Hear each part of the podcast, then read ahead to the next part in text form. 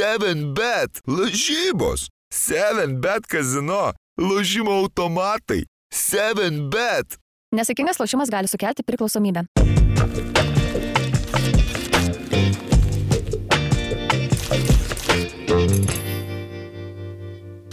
Oi, nu ką, sveiki vyrai, pagaliau susėdom naujoj, naujoj studijai. Labas, labas. Sveiki, Sveiki vyrai. Su šiokiais ir, ir, tokiais. ir merginos, gal ir merginos žiūri, ne tik vyrai. Manau, manau, kad žiūri. Kad neįsižeistų. Vaido, tai tikrai nori. Skaito. Daug. Vaidai, kaip tu sakai, skaito.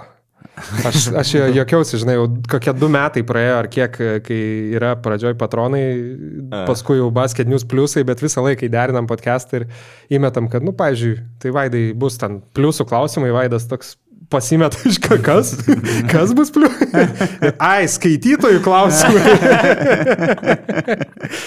tai va, tai podcastas skaitytojų klausimai, bet šiaip naujoje vietoje tik su parkingu miški problemų, ne, tai Vaidai irgi. Nu, bet, kaip sakai, gal į naudą nėra daug kur vietos pastatyti. Tai pastačiau toli, toli, nežinau, Fabioniškės ir Pašilaičiuose, tai kol atėjau, tai šiek tiek ir numečiau kilogramą. Matos turbūt iš. Kas Mes čia, dar? mes čia prie Ving- Vingio parko įsikūrė, tai kas įsivaizduojat e, Fabioniškio Ving- Vingio parko skirtumą, manau, suprantat, kokią Vaidas turėjo kelionę. O šiaip daugiau ką mes, e, kas dar iš naujienų, Vaidas pasipošė atleto marškinėliais, mes neapsikentę kritikos papuošiam studijam, parotuosim šiek tiek, tai turim pieno žvaigždžių marškinėlius už, už mūsų taip pat vilkų investuotojo Jono Valančiūno. Ap, apranga iš euro, Eurolyginio ryto. Gražu. Aš kadangi labai atletiškas, tai man labai tinka atlet. O kai Garastas treniravo ir jis dabar e, kirčioja atletas. Atletas. Atletai. Agentas, atletas. E, Pieno žvaigždžių Maikė irgi turim. Čia yra, nu, tokia pusiau pieno žvaigždžių, nes uh, basket news čia gal labiau apranga yra kitoj pusėje pa, parašyta. Mes su juom, uh, kai susirinkam žaisti krepšinį, tai jas apsivelkam. Tai va tokias naudojam. O šiaip šiandien atletas tinka, nes e, kažkiek vis tiek to LKL krepšinio nebuvo, tik tai artėja, grįžta, grįžta LKL šį savaitgalį, kovo antrą. Um, tai aptarsim kažkiek, aišku, nu gal, Lukai, pradėsim nuo, nuo tavo įspūdžių iš Estijos, bet paskui persikelsim prie, prie pliusų klausimų ir natūraliai šioks toks akcentas prie senesnių laikų. Tai Kauno atleto žaidėjai, manau, manau figūruos tame, ką aš nekėsime. Um, tai Lukai, kaip Hmm. E, nežinau, nuo ko pradėti. Gal e, šiaip e, brangus, sakyti, ne? Brangu talinė, jo, brangu, bet e, gal kalbant apie tą krepšinį, tai aš nežinau, ar jūs pamatėt, ar spėjot pajausti per ekraną, kokia didelė šventė iš tikrųjų buvo Estams ta pergalė. Nu, aišku, jie tikrai neturi tos palaikymo kultūros, kokią mes turim Lietuvoje, kas iš tikrųjų gal labai erzina, nes e, rungtynių pranešėjas, kai tik yra deadballas, kamuolys yra užrybėje, reikia tą EST ir publika irgi ku- užsikūrinėja. Tai šiek tiek neįprasta ir Jis tik, dirgina. kad valgyt nori. Jo, bet mm. nu, po rungtynių ir patys žaidėjai kalbėjo, kad čia vos ne geriausia, viena geriausia atmosferų Estijos krepšinio istorijoje ir e, viena didžiausių pergalių jiems ir, ir Rajas te kalbėjo, kaip e, Sedekerskiai dabar čia klius už tai, kad Jo, jo. e, Estus nugalėjo ir panašiai. Tai Jiem čia buvo labai didelis įvykis, o, o mum, aš taip po rungtynių kažkaip galvojau, perklausiau ir ką mūsų Basket News podcast'o kolegos kalbėjo, tai a, aš gal tokią savo nuomonę turiu. Kai mes esam jau pralaimėję prieš tai atrankose tų rungtynių prieš, prieš Belgus, prieš, e, prieš Danus, prieš tos pačius Estus draugiškos esam pralaimėję, tai net nebuvo to tokio jausmo po rungtynių, kad čia įvyko kažkokia tragedija. Toks kažkoks, e, nežinau, aišku, po to permastai, nu, estai mm. tikrai nėra tokio lygio komanda kaip mes, net ir atsižvelgiant tai, kad čia nais langų rinktinė ir panašiai, bet to tokio kažkokio skaudulio net kažkaip nebuvo, aš nežinau kodėl, bet gal čia yra, sakau, pripratimo reikalas ir iš tikrųjų gal tas yra blogai, kad prieš keletą metų mes jau atsiemėm keletą tų, tų tokių smūgių ir dabar jau tai atrodo, e, kyla dviejonė, ar čia natūralu ar net nenatūralu. Bet čia matai, čia dar pereinant prie šiek tiek kito, e, kito kampo, kaip e, vakar iš tikrųjų išnekėjom trysia, tai aš irgi kažkaip sakau, bet kodėl ten buvo, kad kažkaip ir prieš Lenkų tas rungtynės, kad visų toks atsipalaidavimas tarsi vis tiek Europos čempionate vieta yra, Nu, ta prasme, ir koks skirtumas čia, bet kaip vakar kalbėjom, kad dabar tai visiškai, nėra, po, ne, ne, tai visiškai po estų pralaimėjimo jau lieka, Taip, nu, ta prasme, dabar... Makedonais Jo. būt, e, dėl vienintelio kelialapio ko- kovosim, kažkada su Danais per plauką patekom. Ir to Makedonų rinktinė e, visai pusė velnio, naturalizuotą centrą gerą turi, tą Dimitrievičių gynėją sunkiai sustabdo. Tai... Nu, Makedonai yra jau mus nuliūdinę vieną kartą 2011 metais. Nu, Makalibas tada buvo naturalizuotas žvėris. Tenai, tai, Jo, Taip, bet, bet šiek, nu, šiek tiek gėda, suvažiuoja daug Eurolygos žaidėjų, o jie turi vieną tik kocarą, nu, Kulame Bilbao žaidžia Sanderis Venė Ispanijos antrojo lygoje. Va tie kiti vidutiniokai, kad važiuoja rinktinė, dažnai šoka aukščiau bambos, aukščiau savo galimybių žaidžia. Ir yra žaidėjų, kurie klubuose žaidžia silpniau, kažkada kalnėtis būdavo, rinktinė iššauna ir prie peličius Slovenijos. Mm, Slovenijos rinktiniai. Tai jau ten kaip jie ėmė kamuolius ten po mūsų lentą, nu, tai kažkaip reikėjo savigarbos turėti, nu, supykti. Ne, tas, bet taip tas ir faktas, nesupyko. kad iki 39 minutės nebuvo nei vieno atkovoto kamulio polime. Nu, čia yra kosmosas visiškai. Nesvarbu, tubelis, netubelis, maldūnas, nemaldūnas. Nu, čia Taip. bent vienas kamuolys įkrist tiesiog į rankas turi. Nu, aš nežinau, nesinori kar- kartais sakyti, kad nesistengia vyrai ten visas 40 minučių, bet, nu, Nu, nesistengia, taip, visi nesistengia. Tu pasakyk, šimtų Vaidai. procentų, tikrai ne šimtų procentų ne. E, Dar, dar apie tas e, rungtynės, šiaip e, man visą laiką patinka pastebėti e, per rungtynių pristatymą, ypač svečiuose, kurį žaidėją labiausiai vertina ta namų komanda, kas jiem yra žvaigždė. Tai Maikas Kocaras Estijoje yra, nu, nežinau, pas mus koks čia atitikmo būtų, e, turbūt Sabonis, Valančiūnas, kažkas tokio, nu jie jį ten sutiko su tokia jėga. E, antri pagal garsumą, sakyčiau, Venė ir Kiulemė. Tai, Kas yra logiška, kaip Jo, yra. Venė vis tiek ilgametis jau Estijos rinktinės žaidėjas ir aukščiausiam lygiai pažaidė su Kiulemė. E, dar, sakyčiau, turi vietos kažkur palbėti. Taip, ir ir man, man tai patinka Suomis, Estų rinktinės treneris. Jų katojala. Tojela. Ir pastebėjau vieną dalyką, kur gal nema, buvau nematęs gyvenime.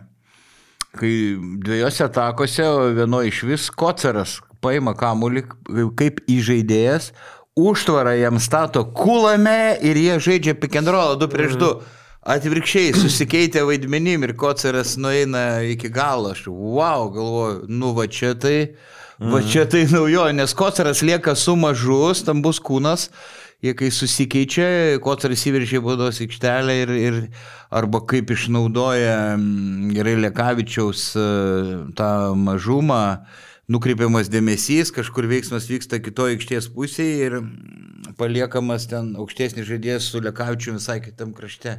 Ir tas aukštesnis biški pasistumė, juda į baudos aikštelę, gauna kamulį ir beveik po krepšių ir pelno taškų ir, ir ne vieną kartą tą buvo tokių vat- gerų gudrybių, įdomių dalykų. Irgi pamačiau. sakyčiau, dėl Vaidai labai geras mm Mhm, -hmm. pastebėjai dėl Kocaro, kaip sakai, vat, įdo, įdomesnio sprendimo, drąsesnio mm -hmm. sprendimo, tai čia man gal vienintelis, žinai, ten ta tubelio visa drama jau ten daug kartų aptarta, ten viskas į, į tą daržą lysti gal neverta, žinai, bet aš galvoju, man vienintelis dalykas, kas šiaip, sakyčiau, neramina, kaip, kaip fano rinktynės žiūrint į vasarą, kad, nu, Aš nežinau, ar Maksvytis iš tikrųjų priims kažkokių įtin drąsių sprendimų, kurių šiaip laukia kaip ir didelė dalis, sakykime, fanų, bet aš turiu omeny, kad ir, pažiūrėjau, apie Sabonio vaidmenį.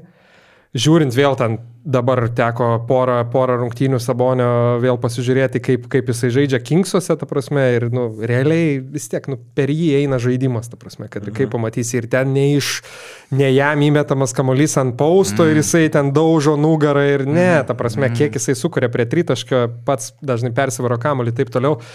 Aš labai stipriai abejoju, ar mes išvysim tokį, ta prasme, taip Sabonį bandoma išnaudoti būtent rinktinėje, nes gali tiesiog elementariai pritrūkti kažkaip ar drąsos, ar kažko, žinai, o vat norėtųsi, nes, nu, kaip tiesiog, iš, kad ir iš interviu tu tai matai ten apie tą patį, kokį, žinai, buzelį, būna pasisakymai, kur maždaug, o tai gal čia be pozicijos, čia gal toks ketvirtas, tipo, ketvirtas, žinai, vien dėl to, kad 2,11 m, o ne tai, kad išnaudo 2,11 m žaidėją perimetrą. Ja, nu mes tai, užsiciklinę ant to tradicinio krepšinio. Ant to tradicinio ir, ir kad būtų, vat, kaip visada, kiek jau kartų yra kalbėta, žinai, kad reikia nebe, nebe tais dviem aukštais, o, nu, pasakyti, blemba, kad ir valančiūnai, nu, Jonai, tu nerealiai svarbus, bet davai, nu, dešimties minučių tai rolę, penkiolikos. Jeigu, jeigu jie vėl kartu dviesi žais, Aš manau, bandysim- Vėl, vėl blogai. bus. Bandysim tą saugų variantą, nieko neužgaut, viską tradiciškai, kažkaip ir man, žinai, tada jau man ateis, jis... ateis italas Puerto Būtent. Rike, kuris Jo. jo. yra visiškai žaidžiantis tą modernų krepšinį, bėgiantį, le- lekiantį su žemais žaidėjais,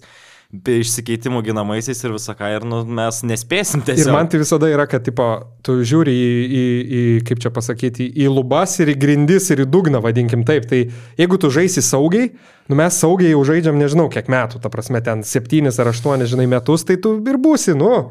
Žemiausia vieta ten aštunta, aukščiausia penkta. Ble, man, nu norisi, kad nu, galėtume tą ekstra žingsnelį nustebinti. Nesvarbu, kad dugnas gal ir žemesnis, žinai, gal pabandysim žaisti ten, supranti, tik tai per sabonį ir gal visiškas fiasko bus, bet geriau jau, geriau taip ir turėti šansą kažką nuveikti spūdingo, negu, negu Ne, ne, eiti taip. per tą patį. Žinai, Tai aš, ne- aš sutikčiau su tuo, su tuo žaidimu, tuo tradiciniu krepšiniu, jeigu tai būtų laimintis Ne, tai krepšinis. be abejo, Nes pavyzdžiui, e, prie Jono Kazlausko, nu, nežinau, supiks, nesupiks kas nors, bet pasakysiu, e, žaidėm blogiausią, nu, negražiausią. Gimdymą, Gimdymą, tragiškiausią jo. krepšinį, nu, kokį tik ga- galima buvo matyti.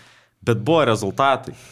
O dabar mes jau eilę metų sakom, kad Nu, va, rinkinė žaidė gražiai, bet mhm. kas iš to grožio? Geriau tada žaiskim šlykščiai, bet laimėsim kažką. Taip, mm, iš, iš tiesų, čia Lukas gerai pastebėjo, kad e, Saboniui mm, čia Fibos krepšinį ant tūso kuo mažiau.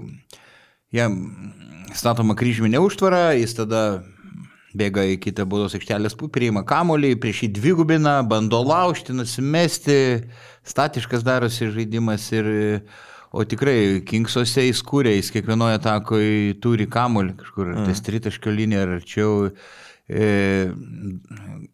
kiša pa, pasus, e, žaidžia handoffą, stato užtvaras, gerai rolina, suka pastatęs užtvarą į baudos aikštelę, tikrai reikia kažko, kažko naujo.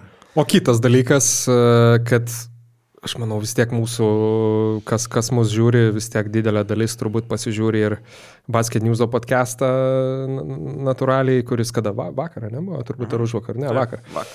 Tai tenai man šiaip patiko Jono e, mintis tokia, kur e, toks buvo šiek tiek paliestas tas gal kartų, žinai, skirtumas. Ir e, vienu žodžiu buvo tokia, sakykime, diskusija, kad Lukas Malinauskas, man atrodo, pasakė, kad sako, žiūrėkit, nu, vat pamatė dabar žaidėjai, kad, nu, žiauriai didelė kritika, ta prasme, jos už, už, užplūsta iš kai kurių fanų, ta prasme, kad čia, va, jie, žinai, atvažiavo, stengiasi, suvažiavo į langus, gavo daug kritikos, gal nebevažiuos. Ir kažkaip Jonas, nu, replikavo, žinai, kad, nu, blema, kas čia per požiūris, ta prasme, nu, tai tu nori, sportininkas esi, tu turėti norėti išdaužyti velniop visus tos estus ir, ir, ir, ir lenkus ir makedonus. Ir čia yra tas, žinai, Vaidai, vat, kaip tu sakai, pats paminėjai prieš, prieš, prieš kelias minutės, kad sakai, nu, ta prasme, žinai, nesinori sakyti, ne, nu, tu prasme, blema, gėda, nu, neatsikovot kamulio, nu, turi atsikovot. Ir čia toks iš tikrųjų, gal čia yra, aš netgi kaip ir ne į temą, bet į tą patį, vat, e, prie, iš ryto šiandien klausiau e, anglų futbolo podcastą, žinai, Overlap ir Jamie Carragheris sakė, kad sako, nu, kai jis Liverpoolį žaidė, sakė, Man vienodai, koks treneris, ta prasme. Man gali nepatikti mūsų treneris. Mhm. Bet aš tai žaidžiu visų pirma už klubą, visų antra už save, nu, blema savigarbą, nu, ta prasme, aš einu šeštadienį ir noriu. Tai čia va toks gal irgi, žinai, kažkiek gal ir tas toks kartų gal kažkiek pasikeitęs, nors kad ta prasme nebėra to noro tokio tiesiog nueiti plem ir kad nu, nebūtų jokių, mm. nesvarbu, pasteisinimai, ten nepilna sudėtis, dar kažkas. Mm. Ir, ir dar papildysiu, kalbėjau apie Sabonį, jo ten vaidmo vienas svarbiausių rinktiniai, bet e, vis tiek šio laikiniam krepšinį tą muziką užsako, žinai, gynėjai, pirmieji, antri numeriai, o mes e, nelabai tu, turim Jokubaitį, kuris dabar net žengiam gal mažą žingsnį atgal Barcelonoje, ten vaidimo ir ką iš antrų numerių turim. Grigonį, Dimšą, nu bet... Mhm. Grigonis daugiau metikas, nėra labai greitas, kuris ten draskytų gynybą. Pažiūrėk, visos dabar elitinės komandos turi bent porą aukščiausio lygio. Na, nu, va čia sakau, čia man, čia grįžtų, jo, sutinku, tavars ir Vaidai, kaip grįžtų mm. prie to, kad, žinai, prie tų drąsių sprendimų, aš sakau, aš irgi gal nepopuliari nuomonė, bet, pavyzdžiui, kalbant apie Matą Buzelį, dar be abejo, sakykime, neaišku, kas ten iš jo išauks visą kitą, bet tokio iš esmės taip aukštai kotiruojama talento, ypatingai ne centro, nu, mes niekada, niekad neturėjom, po Marčiulionio turbūt. Ir man, pavyzdžiui, aš tikiuosi, kad klystų ir aišku, šią vasarą jam bet kokiu atveju turbūt bus sunku atvažiuoti dėl naujokio biržos, bet, prasme, turint tokį talentą, kurį dar ir vilioja JAV, Ta prasme, aš tiesiog, aš spjaučiau visus, ta prasme, kad čia visiems lygios galimybės, visiems velniop, ta prasme, skaičiau, matai, atvažiuosi, tau yra vieta dvyliktukė garantuota, ta prasme, tu, nu, ten žaidžiai, gal gerai 10, nesvarbu, 10-15 minučių, mm. jeigu jis įlošia, mes jį užsirakinam ateičiai ir Vilniop visus, ta prasme, antrarūšius, nu, ne Vilniop, bet, ta prasme, nu, kažkas negaus vietos, kuris galbūt šiai mm. dienai yra vertesnis, bet vardan ateities, nu, tai mm. verta tau, ką žinai padaryti. Nes aš ko bijau, kad atvažiuos, pamatys, kad lygis, nu, netraukia ten dabartinio gal Eurolygo žaidėjo išsiūs namo ir paskui vėl nežino, supranti, paskui žmogus sakys, nu nebeaukos, aš vasarų kaip kažkada daržek ir su, nu, gal ne visai taip, bet su Motejūnu ten tokių dalykų vos ne ir buvo, ne, kai buvo atkabintas ir, ir paskui kažkokie konfliktai. Na, jeigu ieškot kažkokio labai pigaus pavyzdžio šiuo atveju, tai aš prisimenu kažkaip 12 Amerikos rinktinę, kai Anthony Davisas buvo pirmų mm. šaukimų pašauktas ir jisai, nu, tikrai buvo žymiai labiau patyrusių žaidėjų NBA ir žymiai didesnį statusą turinčių, bet tiesiog Anthony Davisas buvo paimtas ne dėl to, kad jie nori jį užsilokint, bet dėl to, kad jie turbūt norėjo, Taip, kad jisai pajustų. pajustų rinktinės atmosferą ir 14 metais jis jau buvo lyderis pasaulio čempionate. Tai va, nes turėt dviejų metrų, ten 10 ar 2 metrų 8, ta prasme, perimetro žaidėją su dar ir sprokstama jėga, kuri, nu, ne, vis, ne visai lietuviam būdinga, tai, nu, būtų visiškai žaidimą keičiantis dalykas. Nu taip, reikia, reikia pataikauti jam šiek tiek, nu, pri, pritariu. Ne, tai, nu, aš tikiuosi, kad, kad lietuviai supranta, kas ten vyko Estijoje, taip galbūt iš tų pasisakymų, iš to kaip Maksytis, galbūt pakankamai ramiai reagavo, kaip Dimša sakė, kad ne pasaulio pabaiga, bet e, Manau, kad e, didžioji dauguma vis tiek e, giliai širdies supranta, kad čia nais negalima tai pralaimėti ir atėjus netinkamų susitikimų. Ir man kas iliustravo šitą momentą, tai Pirmą kartą per mano penkių metų karjerą sporto žurnalistikoje Edgaras Ulanovas atsisakė kalbėti su žiniasklaida, įsivaizduojat. Jisai pakalbėjo, nes, na, toks susitarimas po rinktinės rungtynių yra, kad e, nueina pakalba treneris su žaidėjais spaudos konferencijai. E, ir po spaudos, spaudos konferencijos atvedami yra dar Lietuvo žiniasklaidai pakalbėti lietuviškai. Tai Edgaras neatėjo. Ir jis neblogai sužaidė, ne, su Dimša sumetė daugiau negu pusę komandos taškų. Ja. O rinktinė per antrą dalį 22 taškus. tai va. Nors šiaip tai. Edgaras tikrai pagarba jam didžiulė, nes jie, jie po visų absoliučiai žalgerio rungtynių būna ir po pergalių, ir po pralaimėjimų visą laiką Edgarui reikia pakalbėti, atlikti tą darbą ir jis tą padaro labai gerai ir, ir atsako į tos klausimus ir, ir turi kažkokį išsamų žvilgsnį, labai gerai analizuoja rungtynės. Tai. Bet e, šį kartą matyt suprato, kad e, užsiknisęs buvo turbūt nuo, nuo, nuo, nuo to, kas įvyko ką tik. Tai va, mhm. pavyko pasišnekėti su Matu Jogėlą šiek tiek po rungtynių, kaip e, jisai buvo iškviestas į, į tą stovyklą, nes jisai, kaip mm. sakė, šeštadienį ryte tik tai sužinojo, kad, e, kad e, turi vykti. Tai mm, jisai sekmadienį, sekmadienį apie pirmą valandą, man atrodo, rinktinę pradėjo treniruoti dieną prieš rungtynes, tai jisai tiesiai, galima sakyti, iš lėktuvo varė jau treniruoti. Tokia situacija susiklostė. Nu, Nesinori teisinti rinkinės dėl to, bet irgi šitam langė buvo nu, neįprastai daug pasikeitimų, pradedant nuo Vaido Karniausko iškritimo, keitimo žemaičių, vėliau e, kas dar iškrito, iškrito. Tai Gebenas, nu, ne, net neišvardinsim. Sirvydis, jo, nu, labai daug. Nu. Birutis buvo planuotas, Dovydas Gedraitis. Tai, e, tai va. Aš klausyk, gal nežinau, ar dar, dar kažką turit, bet uh, prisim, pri, vakar pasižiūrėjau, man atrodo, gal į, dabar galvoju, 90, man atrodo, 97 gal Europos čempionato kvalifikaciją ar kažką tokio rezultatus, šiaip žinai, norėjau. Mm. Ir ten lietuviai jo turėjo, man atrodo, šešias pergalės, keturis pralaimėjimus. Ir ypatingai porą mačų, kur Karnišovas net važiuodavo, nu tai ten sunkiai, ten švedus dviem taškais namie, žinai, aplošė, tokių būdavo, mm. nekalbant jau, kad ir pralaimėjimų, mm. abu prancūzam, porai ten tokių rinktinių. Tai ne pirmą kartą stringam, aišku, tas, tas irgi yra tiesa. Tai va, ir jeigu Wikipedia neklysta, tai Lietuvos rinktinė žaidė didžiausiai Estijos arenai, e, kuri, kuri talpina 7000 žiūrovų. Sako, taip anksčiau jie Tai neturėjo tos.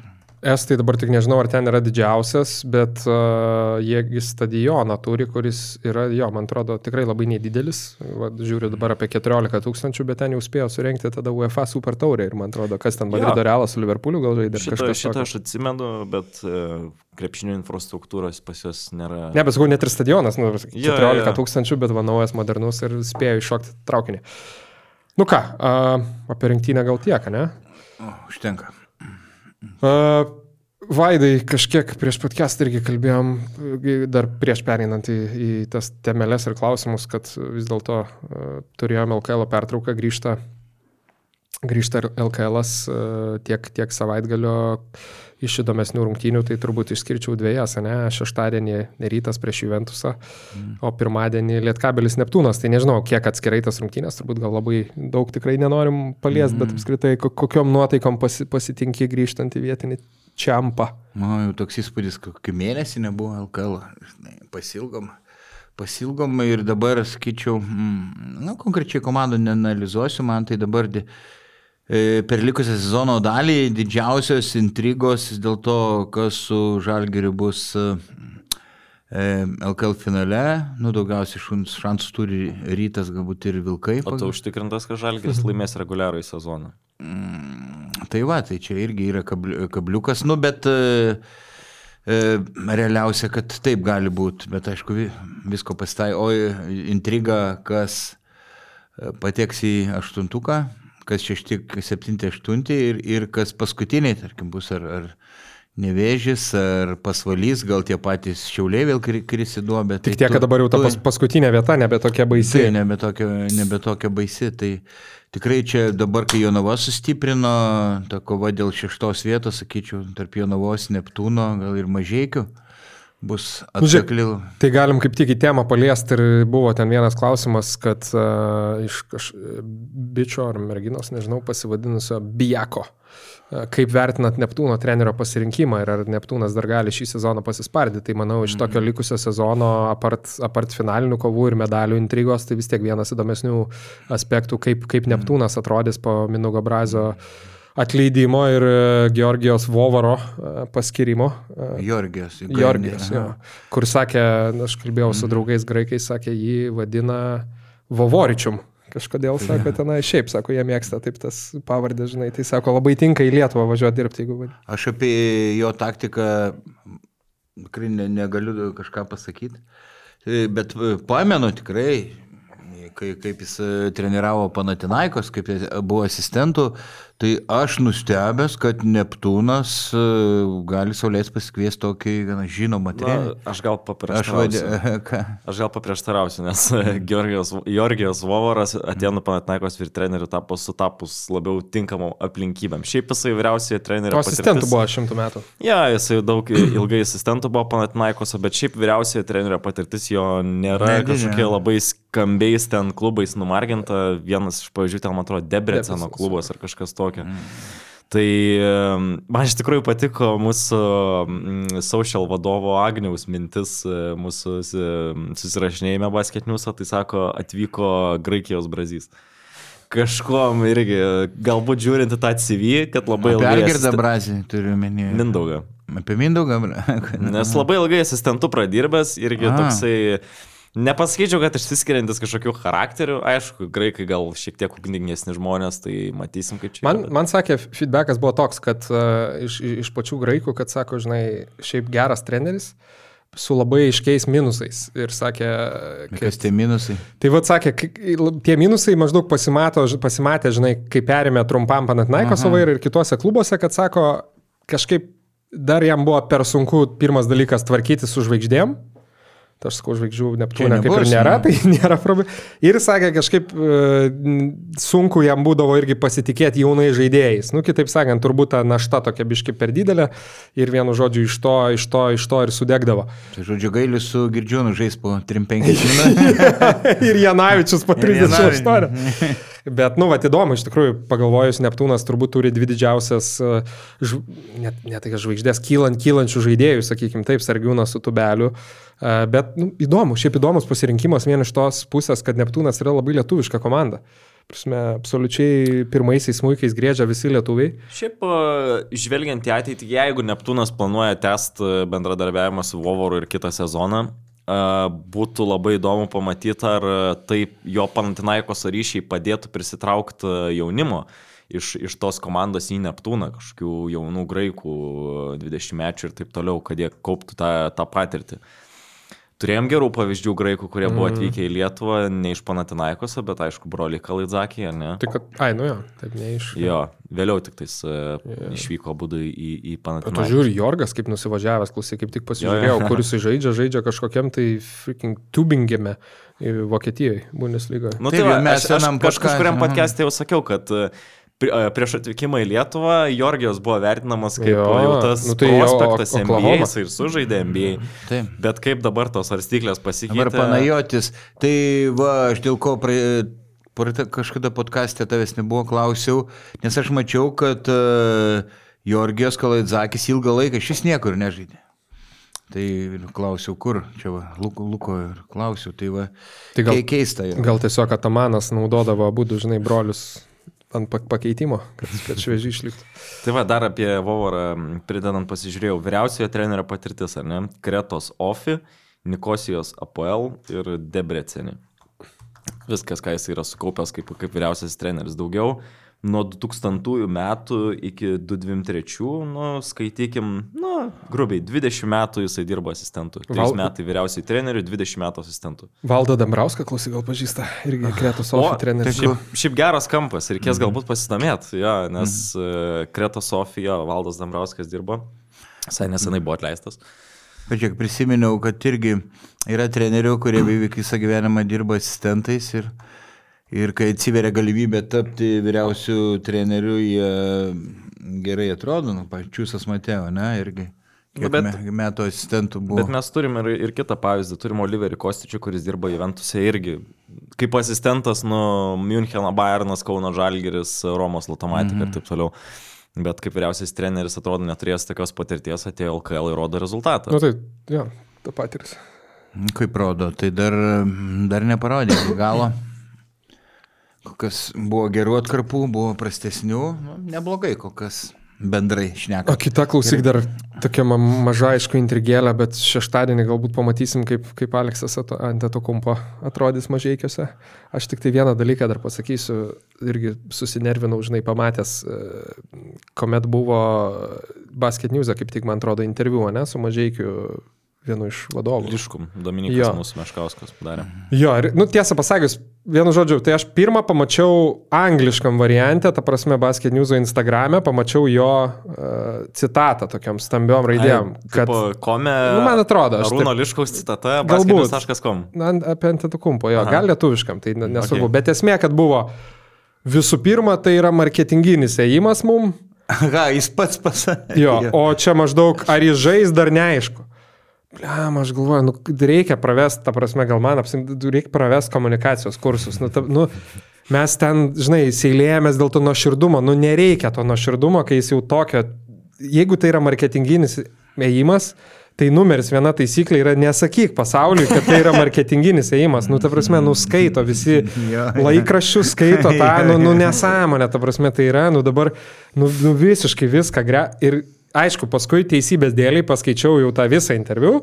Nu, tenai toks, kaip sakant, pakonkuretino, kad kartu... daugiau konteksto jo. Trūksta aukšto ūgio ir... ir... Jo, jo, tai ten viskas, bet toks, žinai, nu, kur tu dirbo, a jo, čia pasikatėm šitą dėl marketingo. E, Amba. Šiaip, šiaip e, krepšinis net buvo Židrūnas Urbanas apsilankęs ir sakė, kad ir Šiauliams jisai buvo siūlytas ir jisai paminėjo mm -hmm. tokį dalyką, kad ant to kumpo buvo siūlomas daugeliu komandų ir, Ir ir dar dar- iš to e, klubas uždirbtų. Mm. Tai, kaip suprantu, mažai iki gavo kažkokią pinigų sumą irgi patys, kad e, priimtų Aleksai savo klubą. Nu tai va, šito nežinau, bet žiūrėk, jisai jau žaidė draugiškas prieš Ventspilę, ne, ir, ir Neblogai visai gerai pasirodė, kiek ten 14 taškų pelnė. Tai va. Tai Nu, bet gal- kokiu atveju, tokio atletiškumo dar vis tiek žaidėjas, tai nepamaišys biški paivairinti mūsų, mūsų paveikslą. Ne, šiaip jeigu atmetus tai, kaip ką tu sakai, kad e, komunikacinė klaida pasakyti, kad čia yra marketinginis sprendimas, tai šiaip aš vertinu labai pozityviai Tai tokį, aišku. tokį žaidėją pritraukti į klubą. Ir e, patys mažai, man labai patinka, kad jie šio sezono metu priima įdomių sprendimų, pasikviečia tokių žaidėjų. Ir tam, tame pačiame Dominiko interviu su Liškum paminėta, kad jie nori kelt biudžetą iki 2 milijonų eurų O. ateityje. Tai dabar jau milijonas Sako, ar su milijonas. Vienas su pusė, du milijonai, europinės ambicijos, viską aš toks ok. Tai čia nežinau, gal mažai nafta sugrįžo. Klausyk, priminkit, kaip ten su arena mažaikiuose. Nu, su arena 20, ten... sakė, geriausia atveju 25-26 metų sezone, net ne kitam. Tai dar- o dar- dar kitam. Jo, su ten stringa, stringa šiek tiek reikalai. Tai va, Nu čia žinai, čia tik minusas. Bet šiaip klubas tvarkosi. Bet 2 labai milijonai. gerai. 2 milijonai. Mes šiaip kalbam LKL orbitai, tie klubai iki Jo, jo, milijono jo. sukasi, ar ne? Bet 2 milijonai jau čia būtų Gal čia jau su. Lietkabeliu lupiesi jo, dėl trečios. Orlenas gal pažadėjo daugiau pinigų. Ne, bet šiaip šaunuoliai, nu, tiek ir te reikia, žinai, to Europoje, ten, va, jeigu savo, savo areną turėtų, nes dabar ten į tuos telšius, nu vis tiek pripažinkim, mm. ne, ne, ne pats aukščiausias, sakykime, jau taip lygis. Dėl to mes juokiame, žinai, kad ant to kumpo pirmą buvo nuvežta į Kauną, į KMT, ta prasme, parodyt, kad, žinai, Po to jau šiek tiek o čia va žemiau, mūsų čia žemiau. arena, čia Arenas. O va čia tu treniruosias, kai, kai, kai vaikam fizinis pasibaigs. žinai, maždaug. tai va, bet, ne, bet jokai jokais, bet tikrai aš irgi mm, sup, superinis, manau, ėjimas ir labai įdomu pasižiūrėti, kaip, kaip, kaip seksis um, aikšteliai. Nu ką, pereinam, pereinam prie mūsų klaus, klausimėlių turbūt. ane? Klausimų, nu. Jo. O, Gerai, o nuo klausimų, tai vieną jau apie Neptūną jau apkalbėjom. Tai galim gal nuo plačiausio tokio uh, pri, pri, privačiai, privačiai gauto pasiūlyto apie uh, penketus, penketus, bet, uh, kaip čia pasakyti, geriausių žaidėjų penketus kiekvienam dešimtmečiui. Tai NBA, mm, NBA orbitoje dažnai tokie, žinai, daromi, va, dešimtam dešimtmetį ten pirmam, antram ir taip toliau, koks yra va, tas geriausias žaidėjų penketas, tai mes, kadangi LKL yra šiek tiek daugiau nei 30 metų, pagalvojom, kad labai yra a, natūralu, jeigu sus, suskaldysim tuos, deš, kaip pasakyti, tuos 30 metų tiesiog į 30 mečius, vadinkim taip, tai yra nuo 93 iki 2003, grubiai tariant, nuo 3 iki 13, nuo 13 iki 23 ir išrinksim pagal pozicijas mūsų penketukus, kriterijai tokie, na, ganėtinai laisvi, bet principė, kas per tą dešimtmetį, nežinau kaip čia pasakyti, gal ne tai, kad daugiausiai naudos davė, bet kaip Lukas. Ryškiausia pėdsaka. Prie širdelės. Lab, kaip Lukas sakė, labiausiai prie širdelės. Ryškiausia pėdsaka. Ryškiausia pėdsaka, gal, vat, jo, ne, ne, nekalbam galbūt visai jau, kad čia kažkaip apie žaidėjo lygį, kaip po pikinį, kur ten pusę metų sužaidė, va, ten Tajusas Ednis, ne, geras, geras pavyzdys e, ir, ir, ir, ir paskui nebe. Kalbam apie LKL kiemą, vienu žodžiu, tai galvojam, bus įdomu prisiminti, prisiminti tuos žaidėjus. Vaidai pradėjo gal nuo, tai nuo seniausiai. 93-2003. Oi, kiek čia užėmė man daug laiko peržiūrėti, galvodami. Ta prasme, mes, mes Vaidui pranešėm, pranešam apie tai, kad reikia kažką padaryti, bent jau, nu, išeinant iš tų rėmų, ką mes dažniausiai darom ir prasideda iš Vaido. O ne, čia viskas čia jau. Ne, kad per mažai laiko liko pasiruošę. Matai, mes tai, Google, mes tai googlinam, o Vaidas lapų, lapus varto. Jo, man reikia vaikščioti į bibliotekas, laikraščių kiek perves, žinai, yeah. knygų, žinynų visokių, tai wow, wow. Tai nuo centro Gerai. pradedam. Nuo centro, vis dėlto aš renkuosi Gintarą Einikį, tavo gerą bičiulį. Pas mane jau kitas variantas yra. E, nu, yra mm, kitų Tai variantų. du, irgi du va- variantai turbūt labiau. Tai- jo. Tai Einikis vis dėlto, kai sumetė 61 tašką, niekos krepšikas, žinot, kas tą rekordą apskritai dar, dar, dar pagerins. Ir tai buvo, mm, pastaruoju metu ištisai bendravom vos ne kas savaitę, kai kūrėm filmą apie Einikį ir aš imdavau iš jo begalę interviu, jis yra mm, pasižymi kaip žaidėjas, pasižymėdavo pilnu kabliu, kaip ir Sabonis, du žaidėjai per Lietuvos Mhm. krepšinio istoriją. Pasakykit man dabar Europą ir pasaulį, kas meta tokį pilną kablį. Iš dalies gal Donatas Matejūnas gali, bet daugiau puskabliais. Robertas Jis, e, Jeftokas, sakykime, turi, tai turėjo tą tokį... Nu, bet kabliuką. e, iki Einikio ar Sabonio kablio lygio, tai... Ne, ne, nutolė. Ir, ir tas metimas, kaip ir pats sako Einikis, na, iš esmės yra nedengiamas. Kai matėm žaidė ir prieš jav svajonių rinktinę, kiek tokių kablių sumetė, tu gerą met, kas prieš tave gintusi, šoklesnis, aukštesnis, faktiškai ne, jeigu tu va tokią trajektoriją eina kamuolys. Nu, tai- kaip, kaip tu nu, e, nublokuosi. Tai... Abdu Abdul Džabaro kablys skaityklat. Va, nu tai taip. Irgi išnykęs, visigi kalba, žiūrėk, niekas Atsimenu. šio laikiniam NBA nemeta, nemeta. Abdul Džabarą dar atsimenu, paskutinį sezoną ar paskutinius du, tai taip, jis mesdavo tą pilną kablį, kaip kitaip, pas tikrą, tikrą kablį, žinai. Aš irgi Einikį turiu įrašęs, ką, ką Lukai, sakykite. Nu, gerai, variantą. aš kitą rekordininką paminėsiu, atkovotų kamolių rekordininką, Žydrūną Ilgauską. Na, jisai pražaidė kiek čia, tris sezonus LKL. Ne, sutinku, galbūt Einikis e, vertesnis. e, Bet Einikis šito- dar mažiau šiaip du, tam, tam dešimtmetį. Ai, nu tai va, tai Židrūnas Ilgauskas netgi ilgiau yra sužaidęs, bet tiesiog norėjau jį paminėti, nes Lietuvos krepšinio kontekste apskritai labai mažai mes minim Židrūną Ilgauską ir turim pa, atiduoti pa, pagarbos šiek tiek šiam žmogui už Lietuvos vardo garsinimą uh, užsienyje, kad ir kaip ten pasibaigė visa ta istorija su pilietybėm ir taip toliau. Šiaip čia, sakyčiau, man vienas tokių didžiausių, ne tai kad, kaip čia pasakyti, ko gaila, bet vat, aš matai Židrūno Algausko atletę, ta prasme, gyvai jau tikrai neprisimenu, ne, ne, nes, nu, nes man keli metai, žinai, buvo, nemačiau. Ir, nu, būtų labai įdomu, vat, pamatyti, kaip, kaip jisai atrodė Lietuvos lygai. E, Teko su abiem e, žaisti ne kartą, nu, skirtingose mm. komandose. Buvo tas Lietuvos aukščiausios lygos čempionatas. Ai, su Tai Algausko. ilga, e, Ilgauskas žaidė ir tada Žalgerio antroji komandai kurį laiką. Nu, ir jo kojos buvo, nu, vat, gal tokia tik istorija. Nu, atrodo kaip dėktukai, jis atrodė lūštoj visą. Jis turėjo bolo pravardę. Manau, pagal, Jo, man- jo, jo. gal manutė bolo, kuris, nu, kūdas ten būdavo kaip sasiska. Tai Garastas, man atrodo, yra pasakojęs, kad pamatė į to žalgirį antrojo komandą ir paėmė pas save į atletą ir jau ten Taip. padarė iš jo žaidėją ar kažkas panašaus. Taip, abu buvo visiškai skirtingi su Einikiu. Tilgausko labai ilgas rankas turėjo minkštą metimą iš vidutinio nuotolio, nors ir Einikis pataikydavo iš to vidutinio, tada, aišku, Einikis apstumdydavo Ilgauską, ten visiškai skirtingos svorio buvo kategorijos. Gerai, ką turim, einam toliau, čia su- suvokiau dabar, kad turbūt irgi il- ilgai užtruksim. Sunkus kraštas, ane, jeigu nuo aukštų. taip, taip, taip. E, Taip, čia buvo šiek tiek reikalų, bet aš pasirinkau Tomą Tomą Masiulį. Jūs gal nematėt jo žaidžiančio. Matėm, matėm, čia vėliau. Taip. E, Jis buvo iš tų, kur mažai talento, bet viską pasiekė savo e, darbu. Darbinis. e, Iš krašto gerai pataikydavo, bet nei nugarai krepšį neturi, nei apgaulingų judesių, nei, nei ten labai atletiškas, bet be galo darbštus, vienas kovingiausių žaidėjų, sakyčiau, gal per ža, Žalgerio visą istoriją.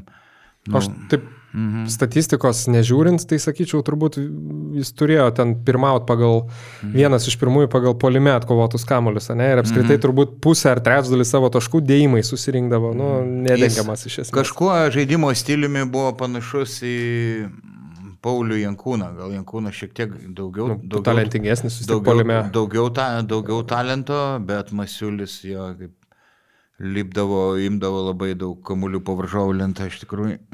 Tu irgi masiulį turi ar kažką kitą? Aš turiu kitą. Aš padarysiu šio laikinio krepšinio Ai, tai nusikaltimą. Aš irgi turbūt. Aš Rolandą Matulį ketvirtą poziciją pasidėjau. Nu, žinau, du centrai nelimpa į penketą, bet nu, Rolandą Matulį norisi iš šios epokos į, įkišti į 93-03. Sakalų legenda, visiška nebeegzistuojančio klubo, bet uh, antras pagal pel, pelnytus taškus iš viso LKL istorijai, Mindaugas Lukauskis tik tai aplenkė jį nesenai.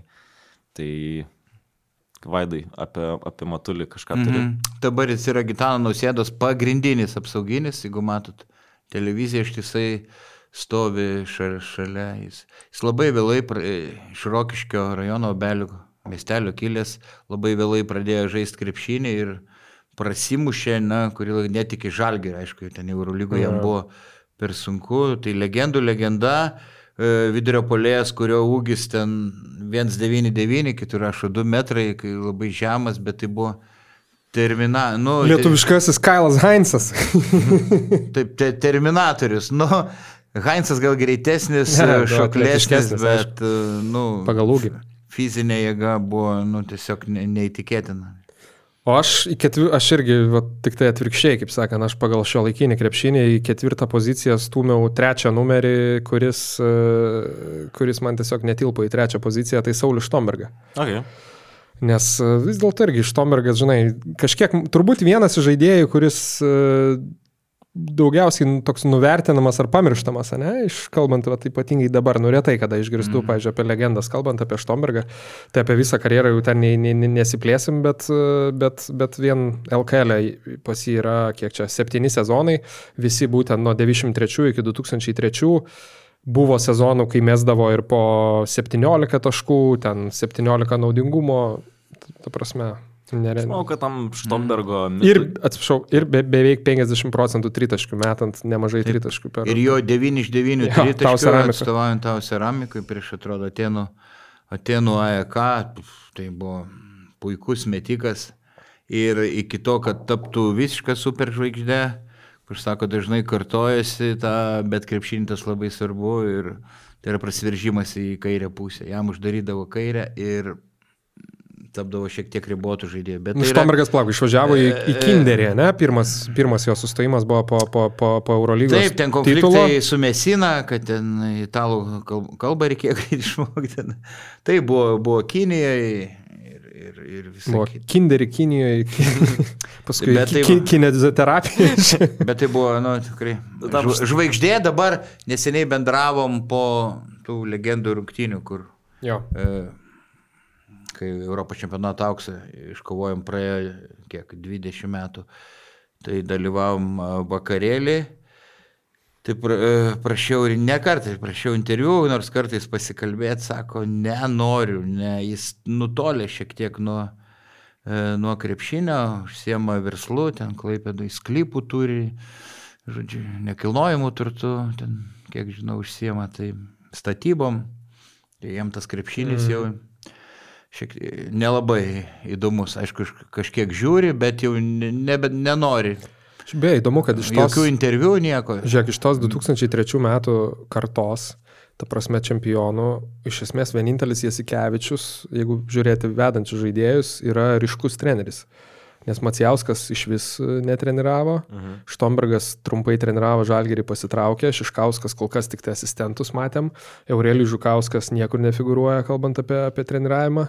Irgi Tada jau- viešumos labai kaip. Tada jau, reiktų, tada jau reiktų turbūt ten į suolą žiūrėti, bet aišku, kas ten Sl- Slanina Lavrinovičius e, irgi netreniruoja, Gustas netreniruoja. Šiauliuose greit neliks jo. Tai. Nu. Ok, trečias numeris. Trečias numeris e, - Židrūnas Urbanas. Židrūnas Urbanas Šiaulių. Nu, jis daugiau vyriausias treneris. Ketvirtųjų, nu jūs kartais pastumėt biškai, nu į trečių, ketvirtų. Aš, aš 9-3-0-3 renku čia visiškai aukštą sudėtį. aha. Ne, ne, nepritaikytą šio laikiniam krepšiniui. Ja, aš, e, ką žinau, aš net neatsimenu Židrūno Urbano, tiesiog e, žinau, kad tai LKL legenda. Prisimenu jau tik iš vėlesnių tų jo metų LKL, bet e, daug, turbūt daug pasako, kad e, tiek, tiek ilgai pražaidęs LKL, tiek daug padarė. Irgi išskirtinis bruožas kovingumas. Jis ten ardavo kaip. Kelia po šimtą vis dar. Bet buvo atletiškas, šoklus, turėjo labai aštrės alkūnės, kuriam pamojuodavo tom alkūnėm, ne vienas varžovas tą pajuto. Tai Jo, tai pa- parekomenduosiu, pasižiūrėkit dar e, BM pokalbį, kaip tik išėjo mūsų Marija su Mantu buvo nuvažiavę į Šiaulius. Patikrino, kiek stumė nuo Gurdaką Urbanas. Gerai, įdomu, jo, įdomu, iš tikrųjų, Urbano klausyti, kaip visada vis tiek savit, savitas žmogus pašnekėti mėgsta. Tai toks... Labai gerai, kad sugrįžo į LKL. Jo, jo, ir tas va, ta interviu tikrai ten ir 40 minučių ar kažkiek tas darbas, bet, bet nelabai prailgsta, nes, sakau, gali įsivaizduoti ten nu, kažkokią kitą žaidėją jo vietoj, tai dieve mano, ten būčiau prasukęs ir, ir, ir dvi minutės pažiūrėjęs, bet Urbano vis tiek, kad ir jis ten kartais biškai nuklysta, bet, bet įdomu. Vaidai, ką treč, trečioje pozicijoje? E, nu ką, aš galvojau, ar tą Šiškauską, nors jis antra, antras, trečias, bet, e, bet Šiškauską, nu ką, ką apie jį galima pasakyti.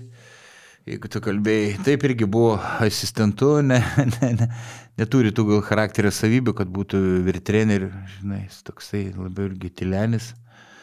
E, Baltų pipenas, ga, vatys gaila, kad neiš, neišvyko MBA, jis turėjo viską, kad ir gaila, kad pasirinko didžiulį atlyginimą CSK klube, o ne MBA, nors buvo, buvo galimybių, nes jis be galo šoklus, greitas, atletiškas, nu, tiko MBA.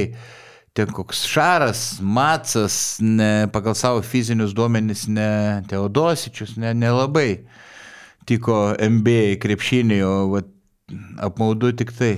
Bet matai, tais laikais, aš sakyčiau, MBA nu, tikrai nebuvo taip pritaikytas tokiem europiečiam, vis tiek perimetro, nors ir kaip sakai, tiko, bet, pavyzdžiui, Šišką įsivaizduot, vat, kaip jisai žaidė dabar, tu į tą prasme 20 milijonų kontraktas MBA, nebejotinai. Nu, turiu menį, realiai tai yra aukštesnį, aišku, jis, bet jis būdavo ir žaidėjų, žaisdavo, kai reikia, nu dabar, manau, tikrai būtų pastumtas į žaidėją. Nuo pirmos tai, iki trečios. Nu, tai realiai. Net iki ketvirto karto. Žinai, auk, gal ne pats geriausias palyginimas, bet toks, nu vis tiek aukštesnis fiziškai ir dar aukštes, geresnių įgūdžių praktiškai nei koks nors Vasa Misičius, nu, ta prasme, tai tokį, vad, paim, nu, šakės būtų, jo. Ir sakyčiau, vienas dalykas, tai apie, žinai, Šiškauską, manau, jau vis tiek net ir jau dar jaunesni už mus gerai žino, bet vienintelis dalykas, ką, vad, prisimenu, kad irgi iš tokių nustebinusių, ypatingai ten jau sakaluose ir, ir ankstesniuose ryto metuose, tai nu, tas šoklumas, ta prasme, tikrai nustebinavo, nes jis šiaip žaisdavo labai ramiai ir ganėtinai lietai, bet, bet būdavo tokių Taip, geras dėjimų, kur wow. Staigumas, geras metimas, šuolis, vis, viskas. Nu. Keturis vaikus, man atrodo, turi.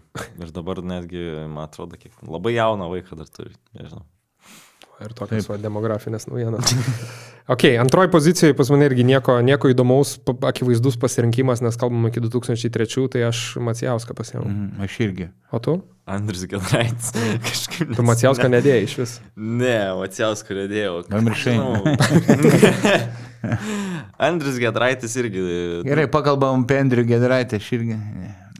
Andris Gedraitis yra vienas, e, tikrai sutiksi mano vaidų, vienas įstabiausių snaiperių LKL istorijoje.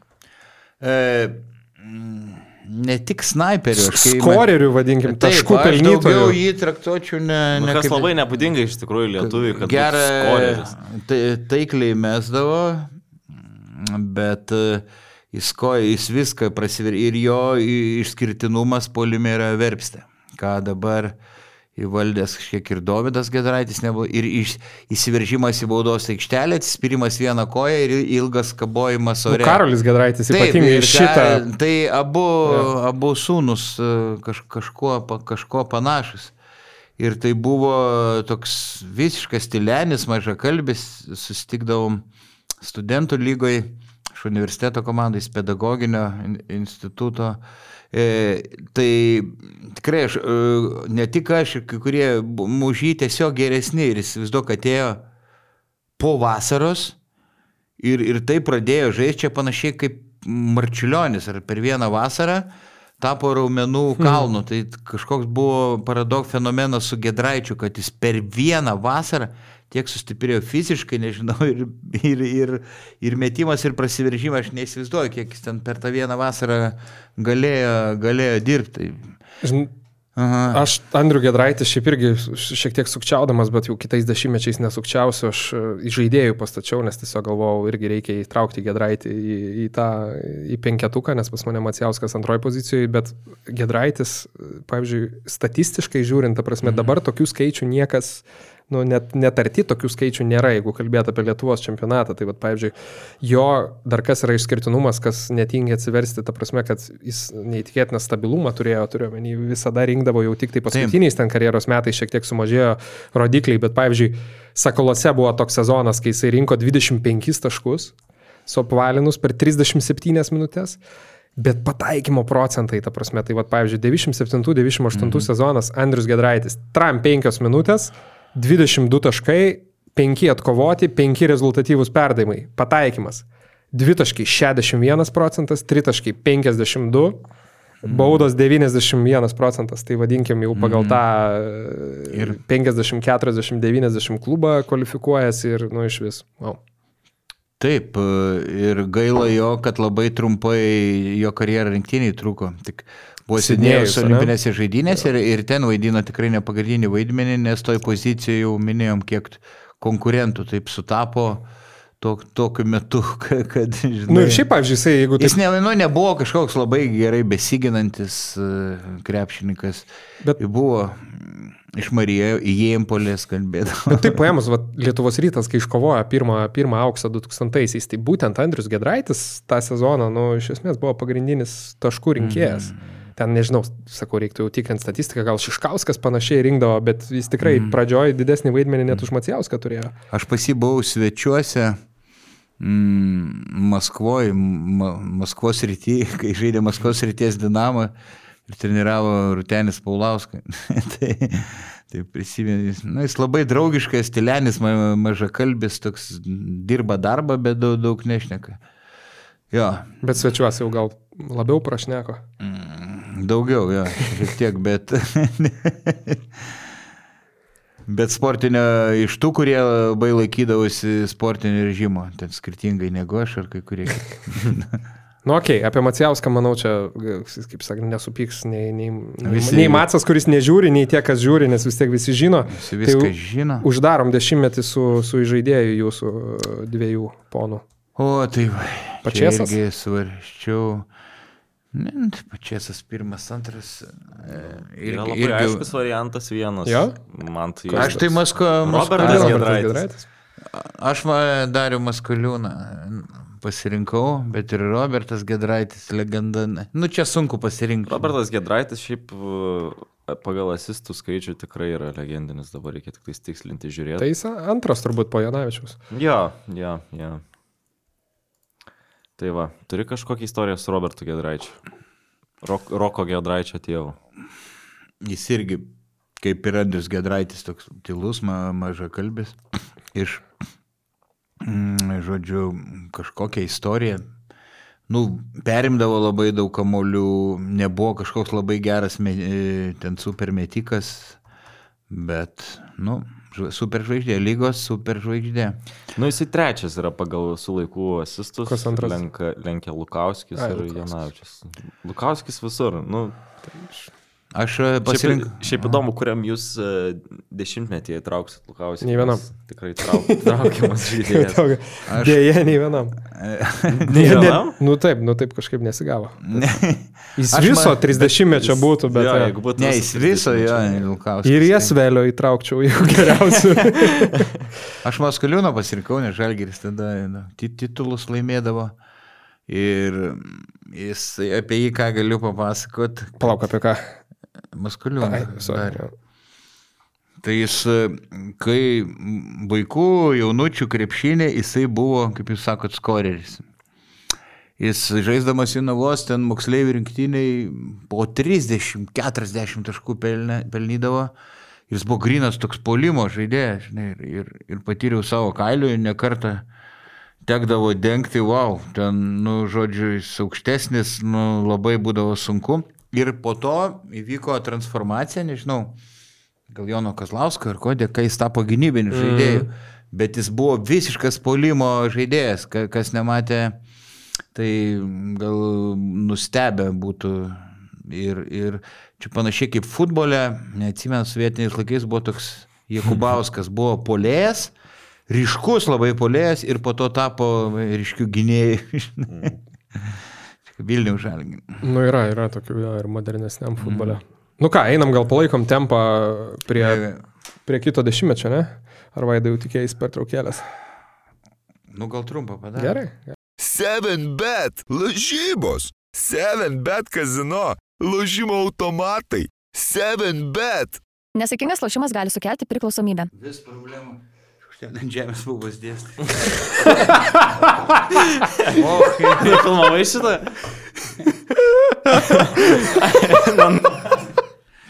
kaip. Jeigu Į ba... Gerai, kad ne į batas. Jeigu vyras kultūringas, jam šaukštelis nereikalingas.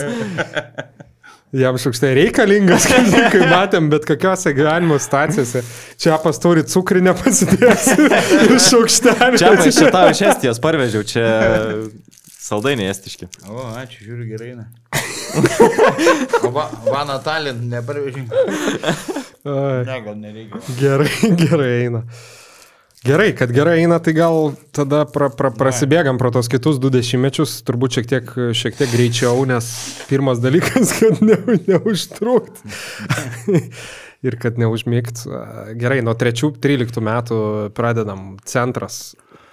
Arvydas Sabonės, vienintelis sezonas LKL, bet, nu, man prie širdelės tiesiog gerą įdėti Arvidą Sabonį, nesvarbu, kad jis LKL ten net nežaisdavo, jaučiu pusės mačų, nesužaidė tą sezoną LKL, bet uh, toks asmuo, manau, turi būti paminėtas uh, bet kokiam lietuviško krepšinio kontekste, nesvarbu ar tai LKL, ar Eurolyga, ar NBA. Nu, aš galvoju, Tanoka Berdas centru pas mane ir, ir, ir vis dėlto e, vi- vienas toks įdomus faktelis, apie, kalbant apie LKL MVP, naudingiausio reguliaraus sezono žaidėjo apdovanojimą, tai Tanoka Berdas yra vienintelis iškovojęs tą titulą keturis kartus.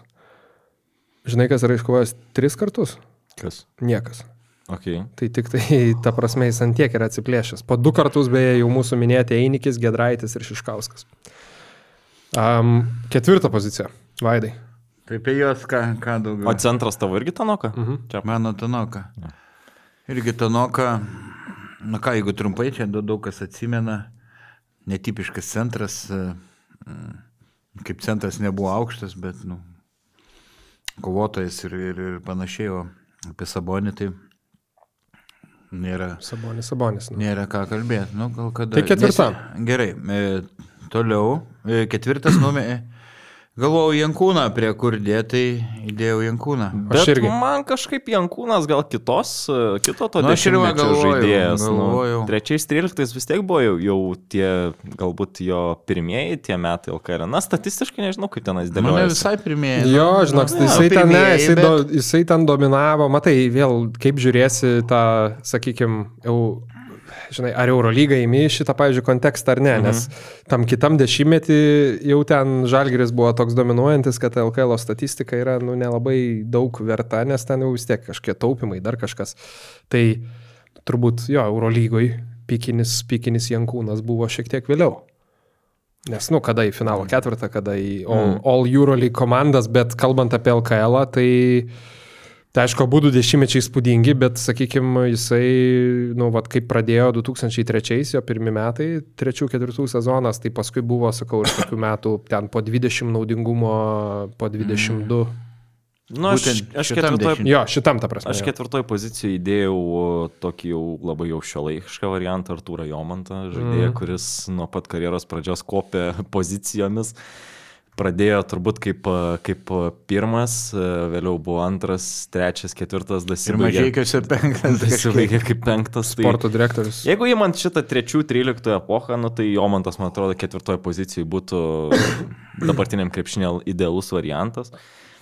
E, Jeigu dar žiūrėt šiaip Savonis ir Jomantas, tai du kūrintis žaidėjai iš, iš, iš paukštavų galinės būtų fantastiškai. Mm.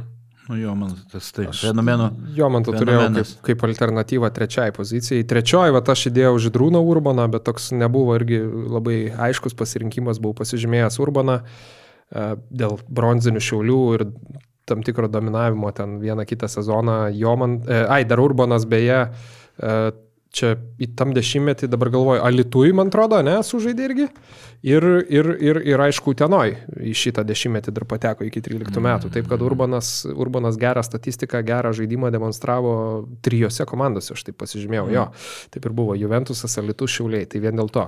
Dar iš tokių pamirštų, tai labiau galvoju, Andrius Šležas irgi dar kažkiek, kažkiek į, tą, į, tą, į, į, į trečią poziciją. Jis į trečią, tai dabar apie Tai apie trečią ir kalbam jau. Nu, čia labai sunku, kai kurie lygiaverčiai, kai apie trečią galvojau, tai mano... Nerijus Varnelis. ne, ne, Tomas Varnalis buvo dar toks žaidėjas, ne tik Varnalis. Tai buvo mano kandidatai Mač, Mačiulis, Ku- Kuzminskas, Jasaitis, tai, tai pasirinkau Mačiulį. Mhm. Aš Lukauskį pasirinkau šiai epochai, man atrodo, kad tuo metu buvo pro- produktyviausi jo metai. Ir iškart per antros pozicijos gal perinant, tai man kažkaip gerai čia susidėliojo ta antra, trečia, ketvirta pozicijos, realiai visi kažkaip e, panašaus ūgio žaidėjai, tai antroji pozicija Dainius Šalingas su savo atletiškumu Okay. galėtų daug ką išspręsti. Aš tai, nors žaidė ne per ilgiausiai, bet antroji pozicijai Eits- Eitsoną rinkausi. Smeiconas įžaidėjas. Pas mane irgi. Čia apie antrą numerį dabar. Jo, ne, tai jis... e, Jis per nuo, daugiau nuo antrą. pirmos iki trečios. Taip, Nu, taip. daugiau antras gal vaidai čia jau nesutikčiau. Nu, Nes jisai pirmą sezoną rytą žaidė trečioji pozicijai, mhm. o antrą sezoną rytą žaidė ekskluzyviai žaidėjų, po to, kai Branko Milisavlevičius nuo, nuo išėjo. pirmos iki trečios. Taip. Bet jo. ir- O ką jūs palai, jūs sakėte? Aš į antrą, tai Lukas sakė Šalengą, aš Markusą Brauną įdėjau dar. Pagalvojau, tarp tar Brauno ir Tai Fred, irgi Fred, vertas. Fredo Hauso rinkausi. Pagal tai, kiek žmonės išbuvo Lietuvoje, išbuvo LKL, tai Braunas ir Tanoka, tai turbūt tokie išskirtiniai atvejai. Na, Aišku, ten gal žemesnio lygio komandose, aš atsimenu, buvau irgi atradęs vieną žaidėją, kuris ten pakeitęs ten nuo, nuo RKL iki LKL užkopė. Bet em, jo, šitie tokie ryškiausi žalgyriečiai. Ok, tai mes žaidėjų Žaidėjai. Eitsoną, o Vaidas. A, jūs jau pasakėte. Jo. Aš e, Eitsono antro numerio žaidėjų rinkausi irgi tokie daug maž lygiai verčiai, Edas Kota ir Štelmacheris. Tai pasirinkau Štelmacherį. Legendinis Lietkabelio treneris. Ja, bet šiaip keista, va, Ryškų pėdsaką palikęs Lietkabelio treneris. Buvo labai gudrus žaidėjas. Tai Tai. Dažniausiai tokie sumanus e, būtent. Žaidėjai tampa, tampa gerais treneriais, nu, bet būna ir išimčių. Nu, šiaip įdomu, vat Lietkabelį kažkaip, man atrodo, jam kaip ir tas kažkiek ir nepasisekė, kad čia mm. atleido, žinai, bet, bet kaip ir tuose kituose klubuose irgi tie rezultatai neblizgėjo, tai toks keistas variantas. Ok, greit prasibėgom, tai galim 13-23 panašių tempų praeiti, pereisime iki, iki klausimų, bet čia, čia įdomus, man atrodo, dešimtmetis, nes tokių įtin kažkokių legendų ar žvaigždžių, man atrodo, jau sumažėjo šiek tiek. Buvo keletas pikinių žaidėjų. Anyway, centras. E, nu, aišku, Brendonas Deivisas ten Jo. aukštesnių lygio, bet aš rinkausi Jeftoką, nes jisai nu, daug metų žaidė LKL nuo 11 iki se- e, 17 net žalgerį, tai koks jis bebūtų e, su, visai, su visais trūkumais, bet aš e, jį pasirinkau. Kad Nu, aš paminėjau, kad aš Jankūną įdėjau į šią epochą ir žiūrėjau šio laikiškai, tai Jankūną į centro poziciją O, įdėjau. wow. Oho. Um, nu, aš kažkaip nenoriu, man tikrai širdis nealpsta nuo to, kad Brendonas Deivisas sužaidė du metus Lietuvoje ir dabar jisai čia kažkaip kotiruojamas kaip e, LKL dešimtmečio žaidėjas bus. Ne, aš vis, dėlto žiūriu į tos lietuvius, kurie praleido mūsų ekosistemai daug metų. Tai vėlgi, man, man bent jau taip atrodo, kad e, Paulius labiau bu, pradėjo būti vertinamas e, šitoj naujausiai eroj, tai įdėjau į centro poziciją. Nu, bet irgi sutinku dėl pikinių, ta prasme, man reikia Brendonas Deivisas išsiskirtų kaip turbūt aukščiausio lygio centrą žaidęs tam dešimtmetį, bet aš įdėjau iš vis tokį labai jau LKL mastelio žvaigždę Lauriną Birutį. Pagalvojau, trijose komandose jau dominuoja. Šiauliai MVP, Prienuose netoli MVP skaičių, dabar žalgri. O ketvirtą poziciją būčiau dėjęs Jankūną, bet kadangi turėjau Jankūną anam dešimtmetį, tai galvoju, neįdomu bus du dešimtmečiai išėlės, tai Gedimino Relka. Aurelik. Geras pasirinkimas, nebuvau pagalvojęs apie šitą dabar, jeigu, jeigu žiūrint, tai tikriausiai būčiau gėda dėjęs. Na, aišku, jisai šitos, šito dešimtmečio tikrai nemažai metų praleidęs užsienyje, turėjo ir poilsį pusantrų metų nuo, nuo krepšinio. Bet e, tada, kada jis žaidė, nu, Bet vėl, žinai, Lietuvos rytas, prienai, e, nors prienai gal jau vieną dešimtmetį būtų, bet vis tiek Lietuvos rytas, ten grįžimas iš Šiaulius, Lietkabelis, daug komandų, daug produktivumo. Šiaip e, nukrypstant nuo temos, Gediminas Orelikas yra vienas turbūt e, legendinių Europos turės žaidėjų. Kiek panagrinėjau ten tą statistiką, tai Orelikas gal net penketukė yra tarp visų laikų rezultatyviausių Eurocapo žaidėjų. Tai čia O, wow. labai rimtas, e, rimtas dalykas. Ką, Vaidai, turi Jeigu ketvirtą? ne, jeigu ne tos sunkios traumos, manau, kad jis būtų jau, jau kurį laiką pagrindiniam dvyliktukė Lietuvos rinktiniai. Bet tos traumos, žinai, ir vis tiek buvo labai sunkios. Nu, aš, aš irgi svarščiau reliką, bet jūs netradicinius penketus renk, renkatės, tai aš irgi be, e, be tikro sunkaus krašto, kad ketvirtų numerių Ulano. Aš irgi Ulanovą parašiau ketvirtų. Aš trečiu. O ką trečiu tada turi, Vaidai? E, Trečiu tada turiu, e, tai pasakysiu, čia tiek prisiražė Butkevičius. Mhm. Nu, mano, va, per brūkšnelį parašyti Ulanovas Butkevičius. Mm. Lukai, kažką įdomesnio? Mano trečias yra Arnas Butkevičius, antras sakyt. Galis, nu, kaž, nežinau, Ulanovas su Butkevičium dabar galvoju, palauk. Jo, jo, visiškai tos, tos, tarp tos kitko- pačios kartos, ne, palauk. Ar, ne, Ulė. Taip, taip, taip, tos tai pačios, pačios kartos, taip, jiegi kartu Valančiūnų, jo. Maksvyčio jaunimo. Butkevičius visą karjerą pražaidė LKL. Visą karjerą, kai pradėjo Sakaluose, taip iki šiol ir žaidžia. Tai irgi manau, jau ir dabar jisai tenais aukštai yra visur rekordų sąrašuose. Dabar tikslinuosi dėl, dėl Oreliko tų stacijų, bet antroji pozicija aš pasirinkau Artūrą Milaknį. Pas mane toks žalgerietiškas yra šios e, epochos penketukas. Nu, Butkevičiaus, jo, pagalvoju vien tai, kad ryto titulo kapitonas, jau kaip nut- nutraukė Žalgerio ten vėl nežino kiek metų seriją. Mm. Ką tu antroji pozicijoje, Vaidai? Nežinau, na, aš Grigonin tris sezonus gana ilgai žaidė, tai antroji Grigonė, Pan, jau. panašiai, klausiau, jisai sakė Milaknį, sakau, panašiai mastom galėtume ir rim, rimtesnius klausyk tokius sąrašus sudaryti LKL, nes e, aš irgi tuos galvoju, sakau, jeigu pagal titulus Milaknis į pikinę versiją Grigonis, dar žinai, ką turėjau pasižymėjęs, Roką Gedraitį. Irgi į tą, bet trūksta titulų nei Šiauliuose, nei Lietuvos ryte, tai pas mane irgi Grigonis. Aš dar ir Seibūtį buvau pasižymėjęs. Pasitikslinau dėl Oreliko, tai šiek tiek nusikalbėjau, Orelikas yra 16 visų laikų sąraše pagal, pagal taškus, bet... Bet, nu, vis tiek, žinai, jau. 16 yra rimtas reikalas, tikrai aukščiausias tarp lietuvių, aplenkęs ir Rimantą Kaukieną. Penketukė jisai yra pagal visų laikų pataikytus tritaškius. Europos turi 199. Kas rezultatyviausias namų modeliai? Uh, Urakapo? Jo. Dublevičius. Ok. Nes Valencijai Jo. daug metų. Nu ir žaidėjas. Nu, čia irgi ke, keli buvo kandidatai ir, ir Vokapas, ir Jekubaitis, ir Lekavičius, e, Pas mane tai Vičius, bet ne, ne Lekavičius. ne, ir Pango, e, Pangosas. e, Dublevičius. Manau tas pat. Ana. Nu, Janavičius. Ai, tu Janavičiai. Jo, aš tai Janavičius. Na tai va, aš to Rezultatyvus. galėjau ir lyderis. Nu, nu, aš tarkim Pangosą.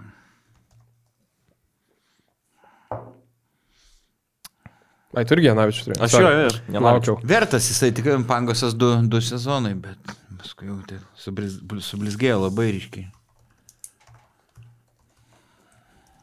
Ok, tai taip kažkaip liūdna tokia gaida, kažkaip baigiam, baigiam žiūrėti apie Žygį Janavičių, nežinau, turbūt, nu irgi vienas, vienas, vienas žinomesnių LKL veidų, gal toks, sakykime. Labai geras komentatorius bus, kaip pabaigs karjerą, tikrai.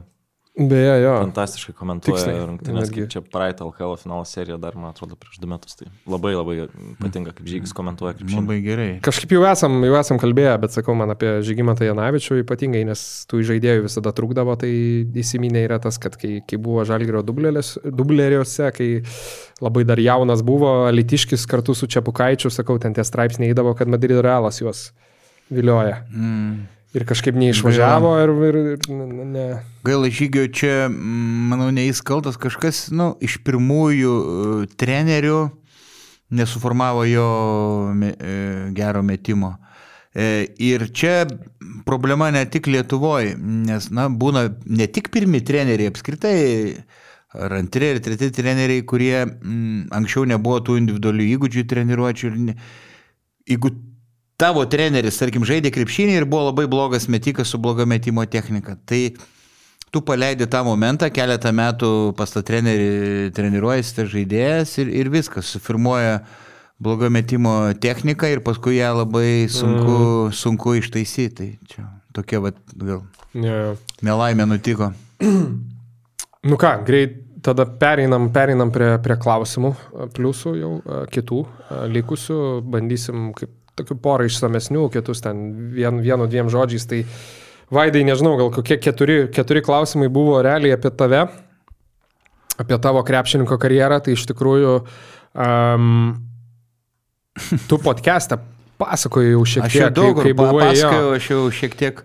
Aš Bet žinai, buvo, dar- žinai, Nerijus Aha. Janaitis klausė, papasakok apie savo krepšinio karjerą, tai būčiau net neįtraukęs, bet kadangi ten buvo gal 20, 20 laikų, yra ir tokių kitų į tą temą, tai manau paliesim tavo krepšinio karjerą. O tu uždirbdavai pinigus tuo metu už žaidimą? Ar ne? E, Universiteto komandai ne, bet buvau perėjęs tokią kitą komandą, tai labai ten trumpai e, Vilniaus Elonika, kur kartu mm, elektrografija tapo su Algymantu Paviloniu, teko būti vienoje komandoje, Arūnų Grygų, mm. snaiperių, atrodo ir snaiperio konkursą yra laimėjo su universiteto komandai, kadangi tai nors ir žaidėm toje aukščiausiai lygoje, elitiniai lygoje, bet studentam tada e, pinigų ne, e, nemokėjo, nebent, atrodo, išvykose dienpinigus kažkokius gaudom.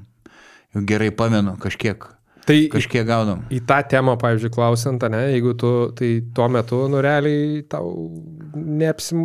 pataikiai į tokį laikotarpį, kai, nu, neapsimokėjo testą karjerą, ne, tam lygiai. E, Ne, tai gynėjų buvo labai daug tų aukšto lygio. Aš dar, man dar buvo kelio, kelio trauma ir, ir po to pagalvojau, nu, gal geriau pasinerti į mokslus, į kitą sritį, nu, žinai, dar atsirado ir šnapsas, ir mergos, ir, ir viskas susidėjo į vieną vietą, žinai, kad, kad...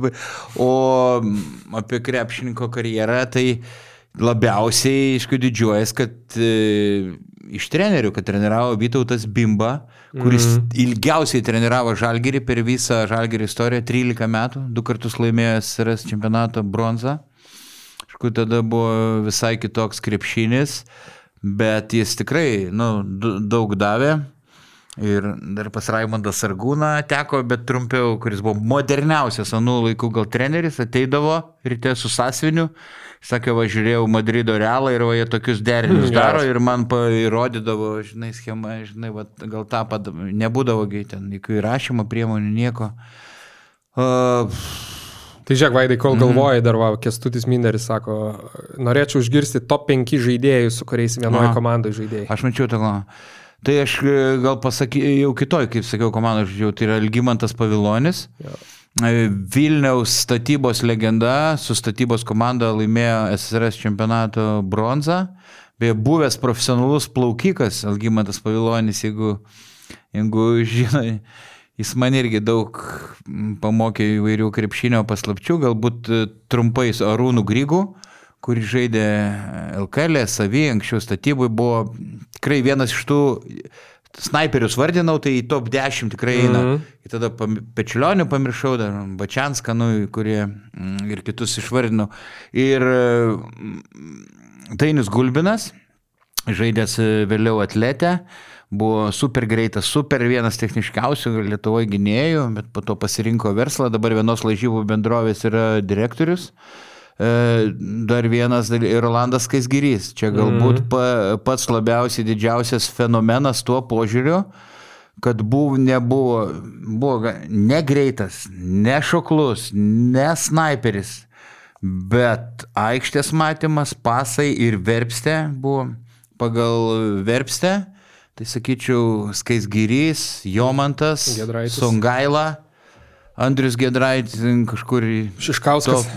Ne. Ne? Mm, Ne, neblogai, bet ne, ne. Tai buvo, jis su savo to verpste be jokio greičio išmaudydavo visus centrus, kalbant apie skaisgirį. Tai va, nu, va tuos uh, paminėčiau. Gerai, Kestutis Jasas. E, kuri čia poniai salė įsiminė kaip sunkiausia vieta žaisti? Mhm. Buvo tokių ir kuri maloniausia dar klausė, nežinau, kažką vieną tokio buvo, kad kiek tuo metu aukščiausio lygio. Sunkiausia gal būdavo šilutėj. Mm, dar toj senoj salėje, kur būdavo balkonai, buvo pra, pragariškas triukšmas. Šilutės komandai žaidė Timinskas ir Jonušas, super Mhm. talentas, kuris... Žygimantas, ne? Ne, ne, tai Audris Jonušas. E, tai ten e, mes ten ir, ir praloždavom ten, o iš tų maloniausių, ne, nežinau, kažko ne, ne, ne, ne iš... Na, Harry, esi žaidęs. Halėje esu, bet e, ne, tada žalgerį žaisdavo, kaip prie žalgerį teko žaisti.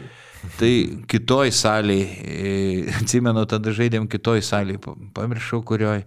Halėje teko, bet kai dar buvau moksleivis, panevežė jaunių ten toj komandai.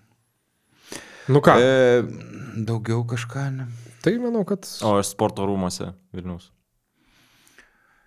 Ne, panevežė sporto, Aš norėjau rūmą, sakyt, jo. sporto rūmose teko žaisti ir vieną kartą prieš Tempurlį Karnišovą, prieš vyresnę Vilniaus rinktinę, sporto rūmose.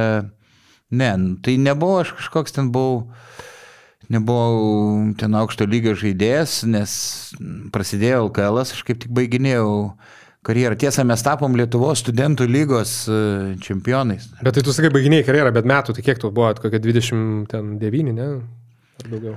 Mažiau. Mažiau, dar mažiau. E, mažiau, aš baigiau universitetą, kiek ten buvo, dvam, apie 2-5 ir, ir ne, tada žaidžiau toliau Lietuvos ryto laikraščio komandoje su, Rimidu Valatka, Ryčiu Sabu, Mariu Laurinavičium, žinomų politikos, Lygium Redecku, vėliau, kuris Sakaluose žaidė. Tai, tai tada tik mėgėjiškam lygyti. Šiaip Vilniaus sporto rūmai jaučiu viena keiščiausių salių apskritai. Kaip iš vienos pusės. Iš vienos pusės fanai, tai taip susirinkia kaip į teatrą, krepšinį Mhm. pažiūrėti. ane. Mm. Jo, ten architektai Nasvyčiai projektavo tos rūmus, iš tikrųjų, nu, unikalus statinys. Ne? Bet ten likti, nežinau, aš ten irgi vaikas, jau kaip sakant, eidavau, bet va, tie finalo ketvertai kažkaip visi, kur vykdavo kokie NBL, tai visai iš pozityvios pusės įsiminė. Mm. Aišku, aš tikrai ten per jauną, žinai, buvau, kad atsiminti, kokia ten atmosfera ir kaip, gerai, kaip garsas buvo. Um, gerai, einam prie kitų ir iš tikrųjų skubinu tai dėl, dėl vienintelės priežasties, kad mūsų už kokių 15 minučių spirs lauk iš studijos, tai, tai reikia prasibėgti pro kitus taip. klausimus. Uh, tai jau šiaip apie Čiaponį, sakykime, baigiam jau. jo, bet Davidas Simonavičius dar e, sako, doktor, doktor Čiai yra žinomas kaip vienas šokliausių žaidėjų lygos istorijoje. Galbūt galėtumėt prisiminti, kokie dar įspūdingas atletinės savybės žai- žaidėjai yra rungtyniavę lygoje ir prisiminti geriausius momentus. Kas, šoklia... Kas sakė šokliausias? Ne, tu, tu Ai, sakai aš- aš ne, nebuvau- Tai juokiasi, žinai, žmonės. Nebuvau šoklus per oficialias rungtynės, kad būčiau idėję per oficialias, bet tai gal vieną, maksimum du kartus. Toks Edis. ryti sabas labai šoklus buvo. Aš tai, nu daug čia galima išsirašyti, tai nežinau, pasižymėjau kokius dešimt, bet man tokie, jeigu ne tik pavardės, bet įsimintiniausi momentai, tai gal pirmą, sakyčiau, vis dėlto Aivaras Keušas ir kartu Mantas Kalnietis, bent jau man, mhm. tik nepamenu, ar ten buvo LKL dėjimų konkursas ar BBL dėjimų konkursas, bet tas, kur vyko Vilniaus Siemens arenai. Tai Aivaras Keušas, ta prasme, tikrai labai originalius, žiauriai sudėtingus dėjimus dėjo. Kalnėtis ten irgi, man atrodo, Maksimos vežimėlį, kuriame sėdėjo Marko Popovičius peršoko. Nu, tai man atrodo buvo geriausias dėjimų konkursas, tai tie įsiminė. Trevisas Leslie. Trevisas Leslie irgi pasižymėjau a, iš legionierių, Aronas Lukasas, a, kokiu metro 83 buvo gerai Iš pirmo dėdavo. ar antro sezono buvo statybų Ga- Gary Arringtonas mažiukas, bet atsimenu, skraidydavo tiesiog. Aš dar paminėčiau Andrė Emetą. Nu, Aha, jo. amžinatelis, ne? Labai rimtas, jo, labai rimtas dėjikas buvo, jis čia paskaičiau, 2004 metais NCAA dėjimų konkursą laimėjo ir yra vienas, man atrodo, užfiksuotas, kaip ar Taitusas Aivar jam užmetė tą kamuolį, jisai ten dviem rankom ten vos neišsileidė. Jo, jo, jo. Tai va, rytas, nu, aišku, Žalgeris yra turėtas pats Robertas Pekas, žinai, aišku, atvažiavo į Kauną visiškai karjeros saulėlydį, ta prasme, ar gal atletiškumo saulėlydį, bet šiaip NBA dėjimų konkursai jisai net laimėjęs, man atrodo, yra. Man tai- Robertas Pekas arba finale bent jau. Ir kitas dalyvavęs. Robertas Jeftokas iki motociklo avarijos, kiek įdėjo 3 Nu. metrų 65 cm ūgio krepšį. Ir Jeftokas, kadangi ne tik tai, kaip sakant, kojas stipres, bet ir, bet ir viršų stiprų, tai turbūt vienas, vienas tokių, nu kaip pasakyti, galingiausius dėjimus atlikdavo, mm. nu, tokius ne, nelietuviškus, žinai. Yra yra ir prieš Sony Williamsas tas. Sony Vimsas. Jeftokui, kas, kas ne, neprisimena, galit pasigūglinti, man atrodo, jau čia po avarijos, bet prieš Saloniko Arį yra idėjas nevaikiška, kur e, vos ne nuo baudų lyg. Nu, Aišku, mes daug nepaminėsim tų šalių. nepaminėsim, labai, bet- labai bet- daug uh, buvo. Dar sakyčiau, tai vad porą, tu sakė Vimsas irgi Timinskas, bet čia dėjimas Eurolygai prieš Kinderį, kur wow, buvo net. Eurolygos vinietė ten šimtą taip. metų. Ir šiaip žinai, kas man buvo apgaulinga atletiškumą turėjęs, aš prisimenu Aaronas Beinsas, pirmąjį savo, nu tiksliau, vienintelį turbūt tris sezoną nežaidęs, jo pirmosios rungtynės e, prieš FS Pilsen Eurolygoje, toks, žinai, toks laukinis, nu absoliučiai, ta prasme, laukinis atletiškumas, kur ten vertė visus velniop, ta prasme, išsistumdydavo, dėdavo mm. ir yra per Markusą Brauną vieną idėjas. Kur ku- Kurtinaitis treniravo, Jo. pasitelkė Garasto tą leksiką. Frazę. Sako, ir meškas galima išmokyti čiuošti ant ledo. Taip. Tai ir Beinsa išmokė tikrai kažkiek žaisti. Dar- MBA dar kurį laiką ten- neblogai atrodė. Tai pradėjo tritaškius vaidyti ir lietuojam dar nemažai Nu. yra suvedęs. Dar, dar kažką vaidai esi iš tų, nu ten Sirtautas, aišku, iš, iš senesnės. Jurgi, Jurgilas. Jur- Jurgilas, kuris paimdavo du kamolius ir įdėjęs vienu metu pašokęs, nenusileidęs ant žemės, abu kamolius vieną. Per, per rungtynės oficialias, ne?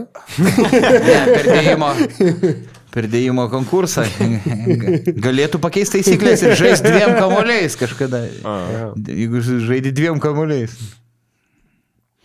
Ok, tai dar, dar turim visai neblogų, bent jau kokius penkis galim atsakyti, manau. Tai toks ap- apie... Uh, Ai, apie dėjikus ir e, prisiminiau, kad būdavo vienetai per vi- visą lygos istoriją, kurie nedėdavo į krepšį. Ir vienas jų buvo, na, faktiškai nedėdavo. Roland, e, Rolandas Kasgyrys, bet buvo, kai žaidė LKL, vienas geriausių lygos žaidėjų. nu, būdavo šiaip, pažiūrėjau, aukštaugio, aš nesuprasdavau, kodėl Marijonas Petravičius, pažiūrėjau, visada mesdavo nuo lentos, nors jam atrodo, žinai, ten pašok nedaug. Um, gerai, Danas Brazauskas klausė, dabar turim naują madą, jei kas negerai, visus šunis sukarti ant trenerių, o kaip buvo anksčiau, kuri LKL komanda yra pakeitusi daugiausiai trenerių per vieną sezoną ir kurie tai buvo metai. E, tai vėl aš pasakysiu, pažiūrėsiu iš lapo, nes visko neatsimenu. Rytas, aišku, daugiausiai keisdavo trenerių. Nuo 2005 iki 2015 metų per dešimtmetį komanda treniravo 14 skirtingų trenerių. O nuo 97 iki 15 21 skirtingas e, treneris. Tai buvo keturis kartus, atrodo, per ryto istoriją, kai per vieną sezoną buvo pakeisti trys treneriai. Šeštais, septintais metais buvo e, Drukeris, Zagadinas Trifūnovičius, 10-11 Anzulovičius, Trifūnovičius Maskuliūnas, 12-13 Džikičius Maskuliūnas, Bauermanas, 13-14 Bauermanas, Aleksandras Petrovičius ir... Ir ką? Ir Adomaitis.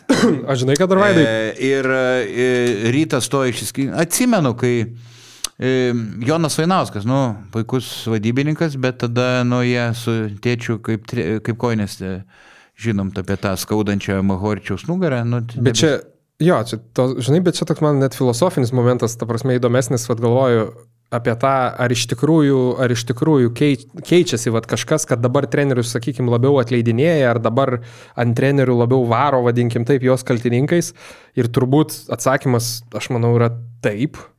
Tik tiek, kad jeigu žiūri, šiaip jau kažkaip senai, man atrodo, tas pasikeitė, nes vat, netgi į LKL žiūrint, gal kokiais 2004-2005, va, toks gal net lūžio taškas, pavyzdžiui, būdavo, jeigu žiūrint, kad praktiškai visi klubai e, su tam tikrom išimtim, pavyzdžiui, išimtis Šiauliai, kur ten Sireika jau kaip miesto šerifas, e, ta prasme, nebent savo norų pasitraukdavo, kaip Arba sakė, į kitą. Prienuose ilgiausiai. Jo, o pavyzdžiui, šiaip vat, net du tokius klubus paėmus, vat, pavyzdžiui, Neptūnas, ne, jie turėjo nuo 90 ten e, ketvirtų iki 2004, net priklauso, kurį šaltinį žiūrint, pavyzdžiui, Grigorijus Pancerovas, ne, buvo ilgametis mm. Neptūno treneris.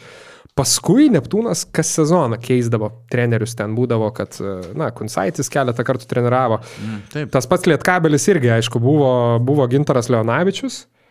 Il, il, ilgą laiką iki tų pačių 2004, paskui jau tie treneriai keitėsi, ten nebūtinai, kad kas sezoną, bet, bet tikrai labai dažnai. Tai tokių ilgamečių pavyzdžių, nu, iš tikrųjų nelabai daug ir turim per pastaruosius 10 ar 15 metų. Taip, dar vienas momentas.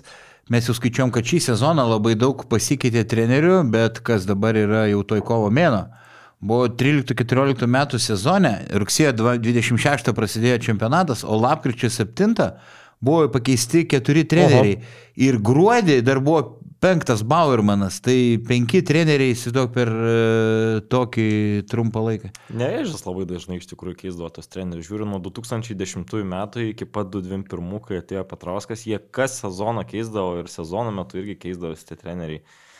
Toks gal labiausiai išsiskiriantis tai kitol buvo Gintaras Leonavičius nuo 2004 mm. iki 2006. Tai jis paskui perėjo į Nevežį, nes e, Panevežys neturėjo pinigų, o Nevežys irgi tada apgavo.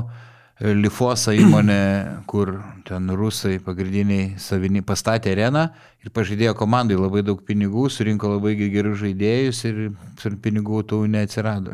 Ramūnas Cirka toks savotiškas nevėžio Duško Ivanovičius, tris kartus dirbęs skirtingais laikotarpiais. Yeah.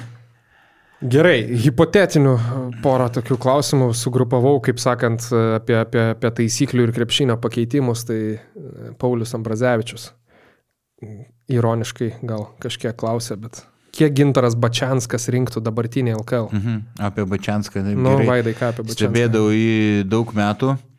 Dabar kažkaip, ar praeisį sezoną priejo prie manęs Kaune, nustebau, ne, nemačiau daug metų.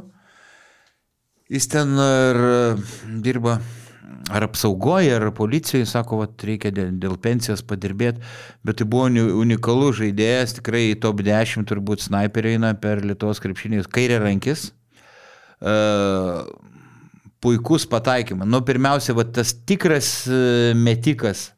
Ir uh, jis paskui žaidė Vilniaus statyboje su Šarūnu Marčiulioniu, starto penketės sudarydavo pagrindinę gynėjų porą. Uh, Marč, su Marčiulionė yra žai Ginteras po, e, po, e, Pocius, Pociaus tėvas Martino ir Bačianskas.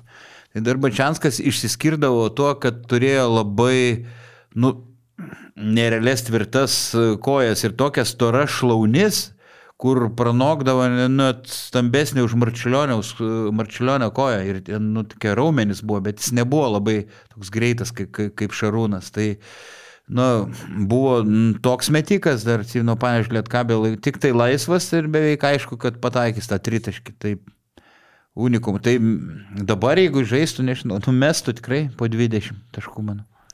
Šiaip, kaip tik į tą temą, Karolis Balčiūnas, žinai, klausė, kur, kuria praeitį kurią praeitie žaidusių LKL komandų norėtumėte pamatyti šių laikų LKL ir kodėl su tų metų sudėtim. Tai man tokie uh, Dvi, dvi iškilo, žinai, galvoju, aišku, 2002 metų rytas tiesiog su, su, su Macijausku, Šiškausku, Kaukienu, Jeftoku, tiesiog dėl, dėl, dėl žaidėjų lygio, ta prasme, galų gale greičio ir netgi, pavyzdžiui, tokio modernaus centro kaip Jeftokas, nu bent jau kalbėti apie atletiškumą ir gynybinius sugebėjimus būtų įdomu tiesiog žiūrėti, čia jau šiaip žinai, žinai kad niekada mhm. toks dalykas ne, ne, neįvyks ir galvoju, 2009 metų šiauliai iš tokių įdomesnių pasirinkimų, nes tuo metu buvo jauna irgi greitai mhm. bėganti komanda, Kuzminskas Gailius Šikšnius būdavo mm. kra, krašto, kra, vienu žodžiu, perimetro žaidėjai ir beje tą sezoną jie prie Žalgerį pusfinalį pažiūrėjau, kad pralaimėjo seriją 2-0, bet vienas rungtynės dviem taškais, kitas aštuoniais mm. pralašė. Taip, kad... mm. Man tai dar aišku norėtųsi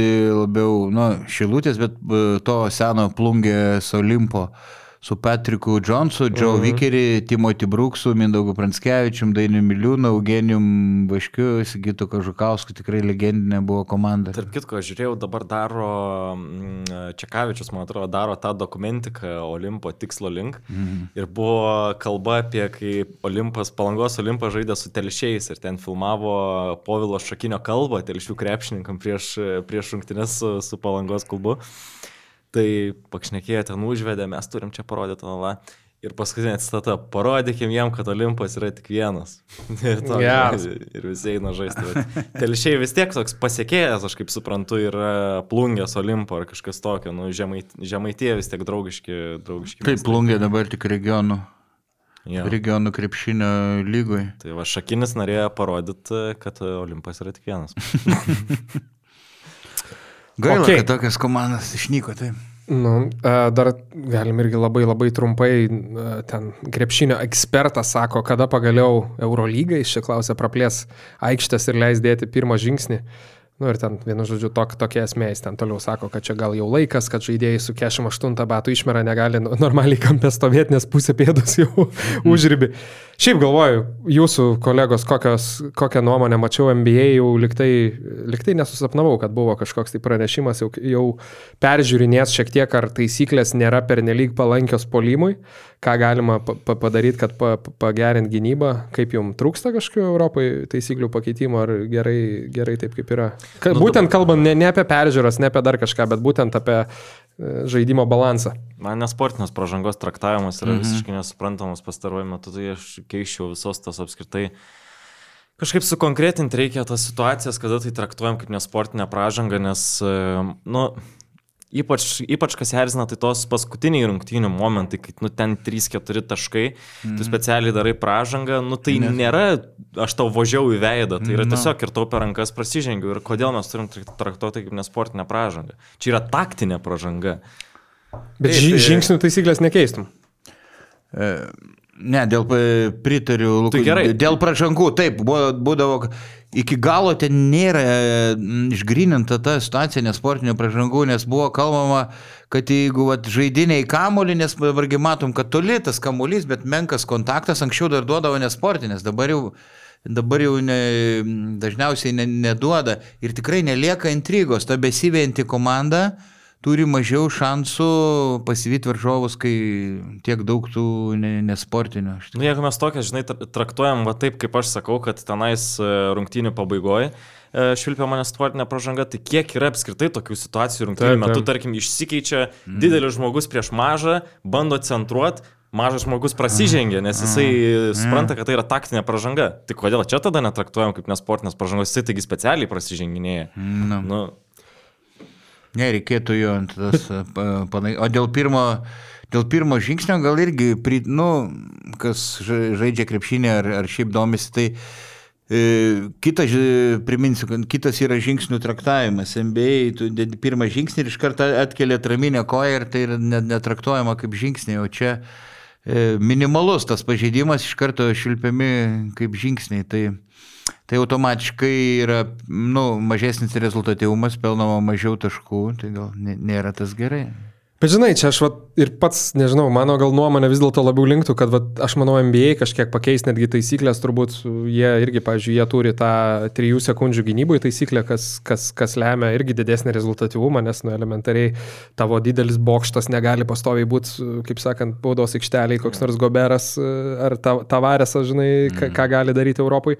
Tai man kažkaip atrodo, kad NBA labiau gal į tą pusę eis, nes, nu, vėlgi aš kaip ir mėgstu NBA krepšinį, bet jeigu nužiūrėt, vėl čia nieko naujo nepasakysiu, reguliarų į sezoną, tai, nu, vėliau, nu, neįdomu, ta prasme, tikrai didžiąją dalį laiko tiesiog per lengvai pelnomi taškai ir dabar, nu, aš abejoju, ar Europos krepšinio populiarumą labai pakeltų tai, kad su, su, supaprastėtų polimas, sakykime, ten tie irgi, žinai, epizodai, kur padeda šešis žingsnius atrodo, bet tipo kaip ir nėra žingsnių, tai irgi turbūt labai nepušia.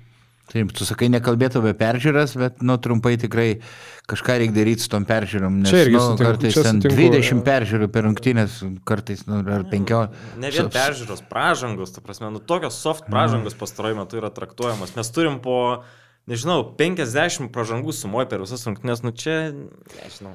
Jo, čia yra net iš, va, va čia tai yra didelis dalykas, kaip žinai, iš, ir iš verslo perspektyvos žiūrint, aš labai daug prisimenu pavyzdžių, tas pats MBA labai stengdavosi pagreitinti, ta prasme, transliaciją, nes, nu, tu matai tiesiog skaičiais, kaip, va, pavyzdžiui, stabdymas arba baudų metimai ir išjungia žmonės realiai. Ta prasme, tu matai, nu, aš neskau, kad ties kiekvienu baudos metimu, bet kuo daugiau stabdymų, tuo daugiau auditorijos tu prarandi. Ta prasme, tokia yra- Nuobodoka, dar Nuobodu, dinamiką taip, nu, praranda Tai jeigu ten paskutinė, žinai, tokie fanai, kai mes tai žiūrės, kad ir baudų metimo konkursą, bet, bet ta prasme, jeigu kalbėt apie mases, A. jiem tai yra, tai va, čia irgi sutinku, jo, manau, čia yra, Jeigu nu, 5x5 krepšinis eis į šitą, į šitą pusę, tai aš nesu įsitikinęs, kad 3x3 krepšinis labai greitai turės žymiai didesnį auditoriją, Mhm. nes ten dinamika yra visiškai kitokia.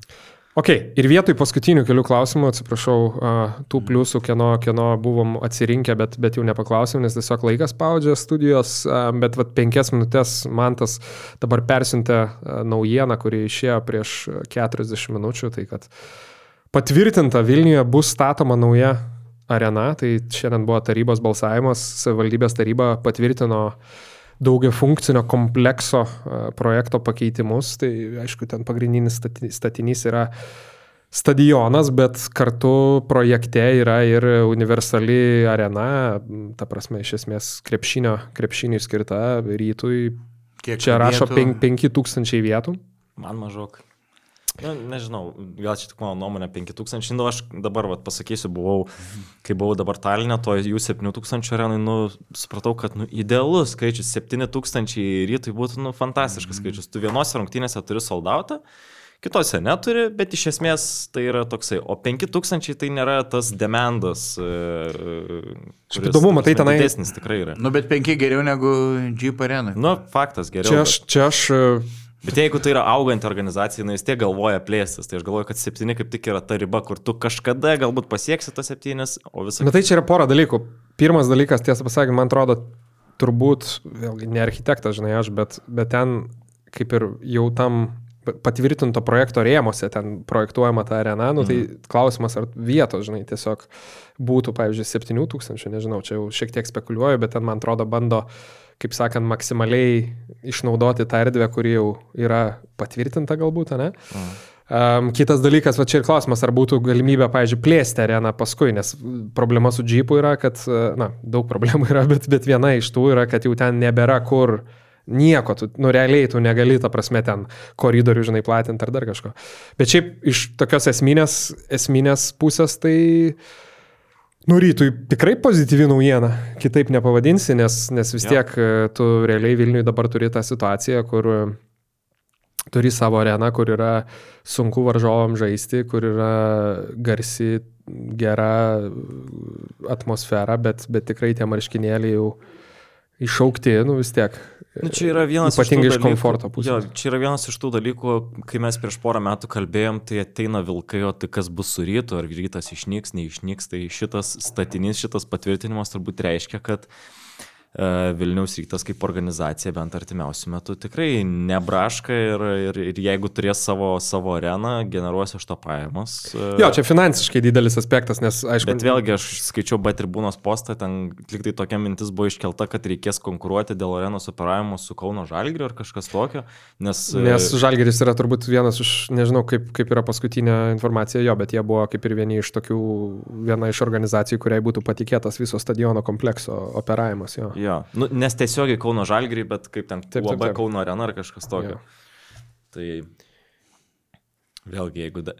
Šiaip jokinga, jeigu labai Kauno arena kontroliuoja Vilniaus pastatą ir, ir prasme- dalis pajamų už ryto varžybas eina kaž, kažkokiu būdu į Žalgirį. Čia, be- čia beveik tiesiogiai, tipo, žinai, kaip posakis, bet nuo vilko ant meškos.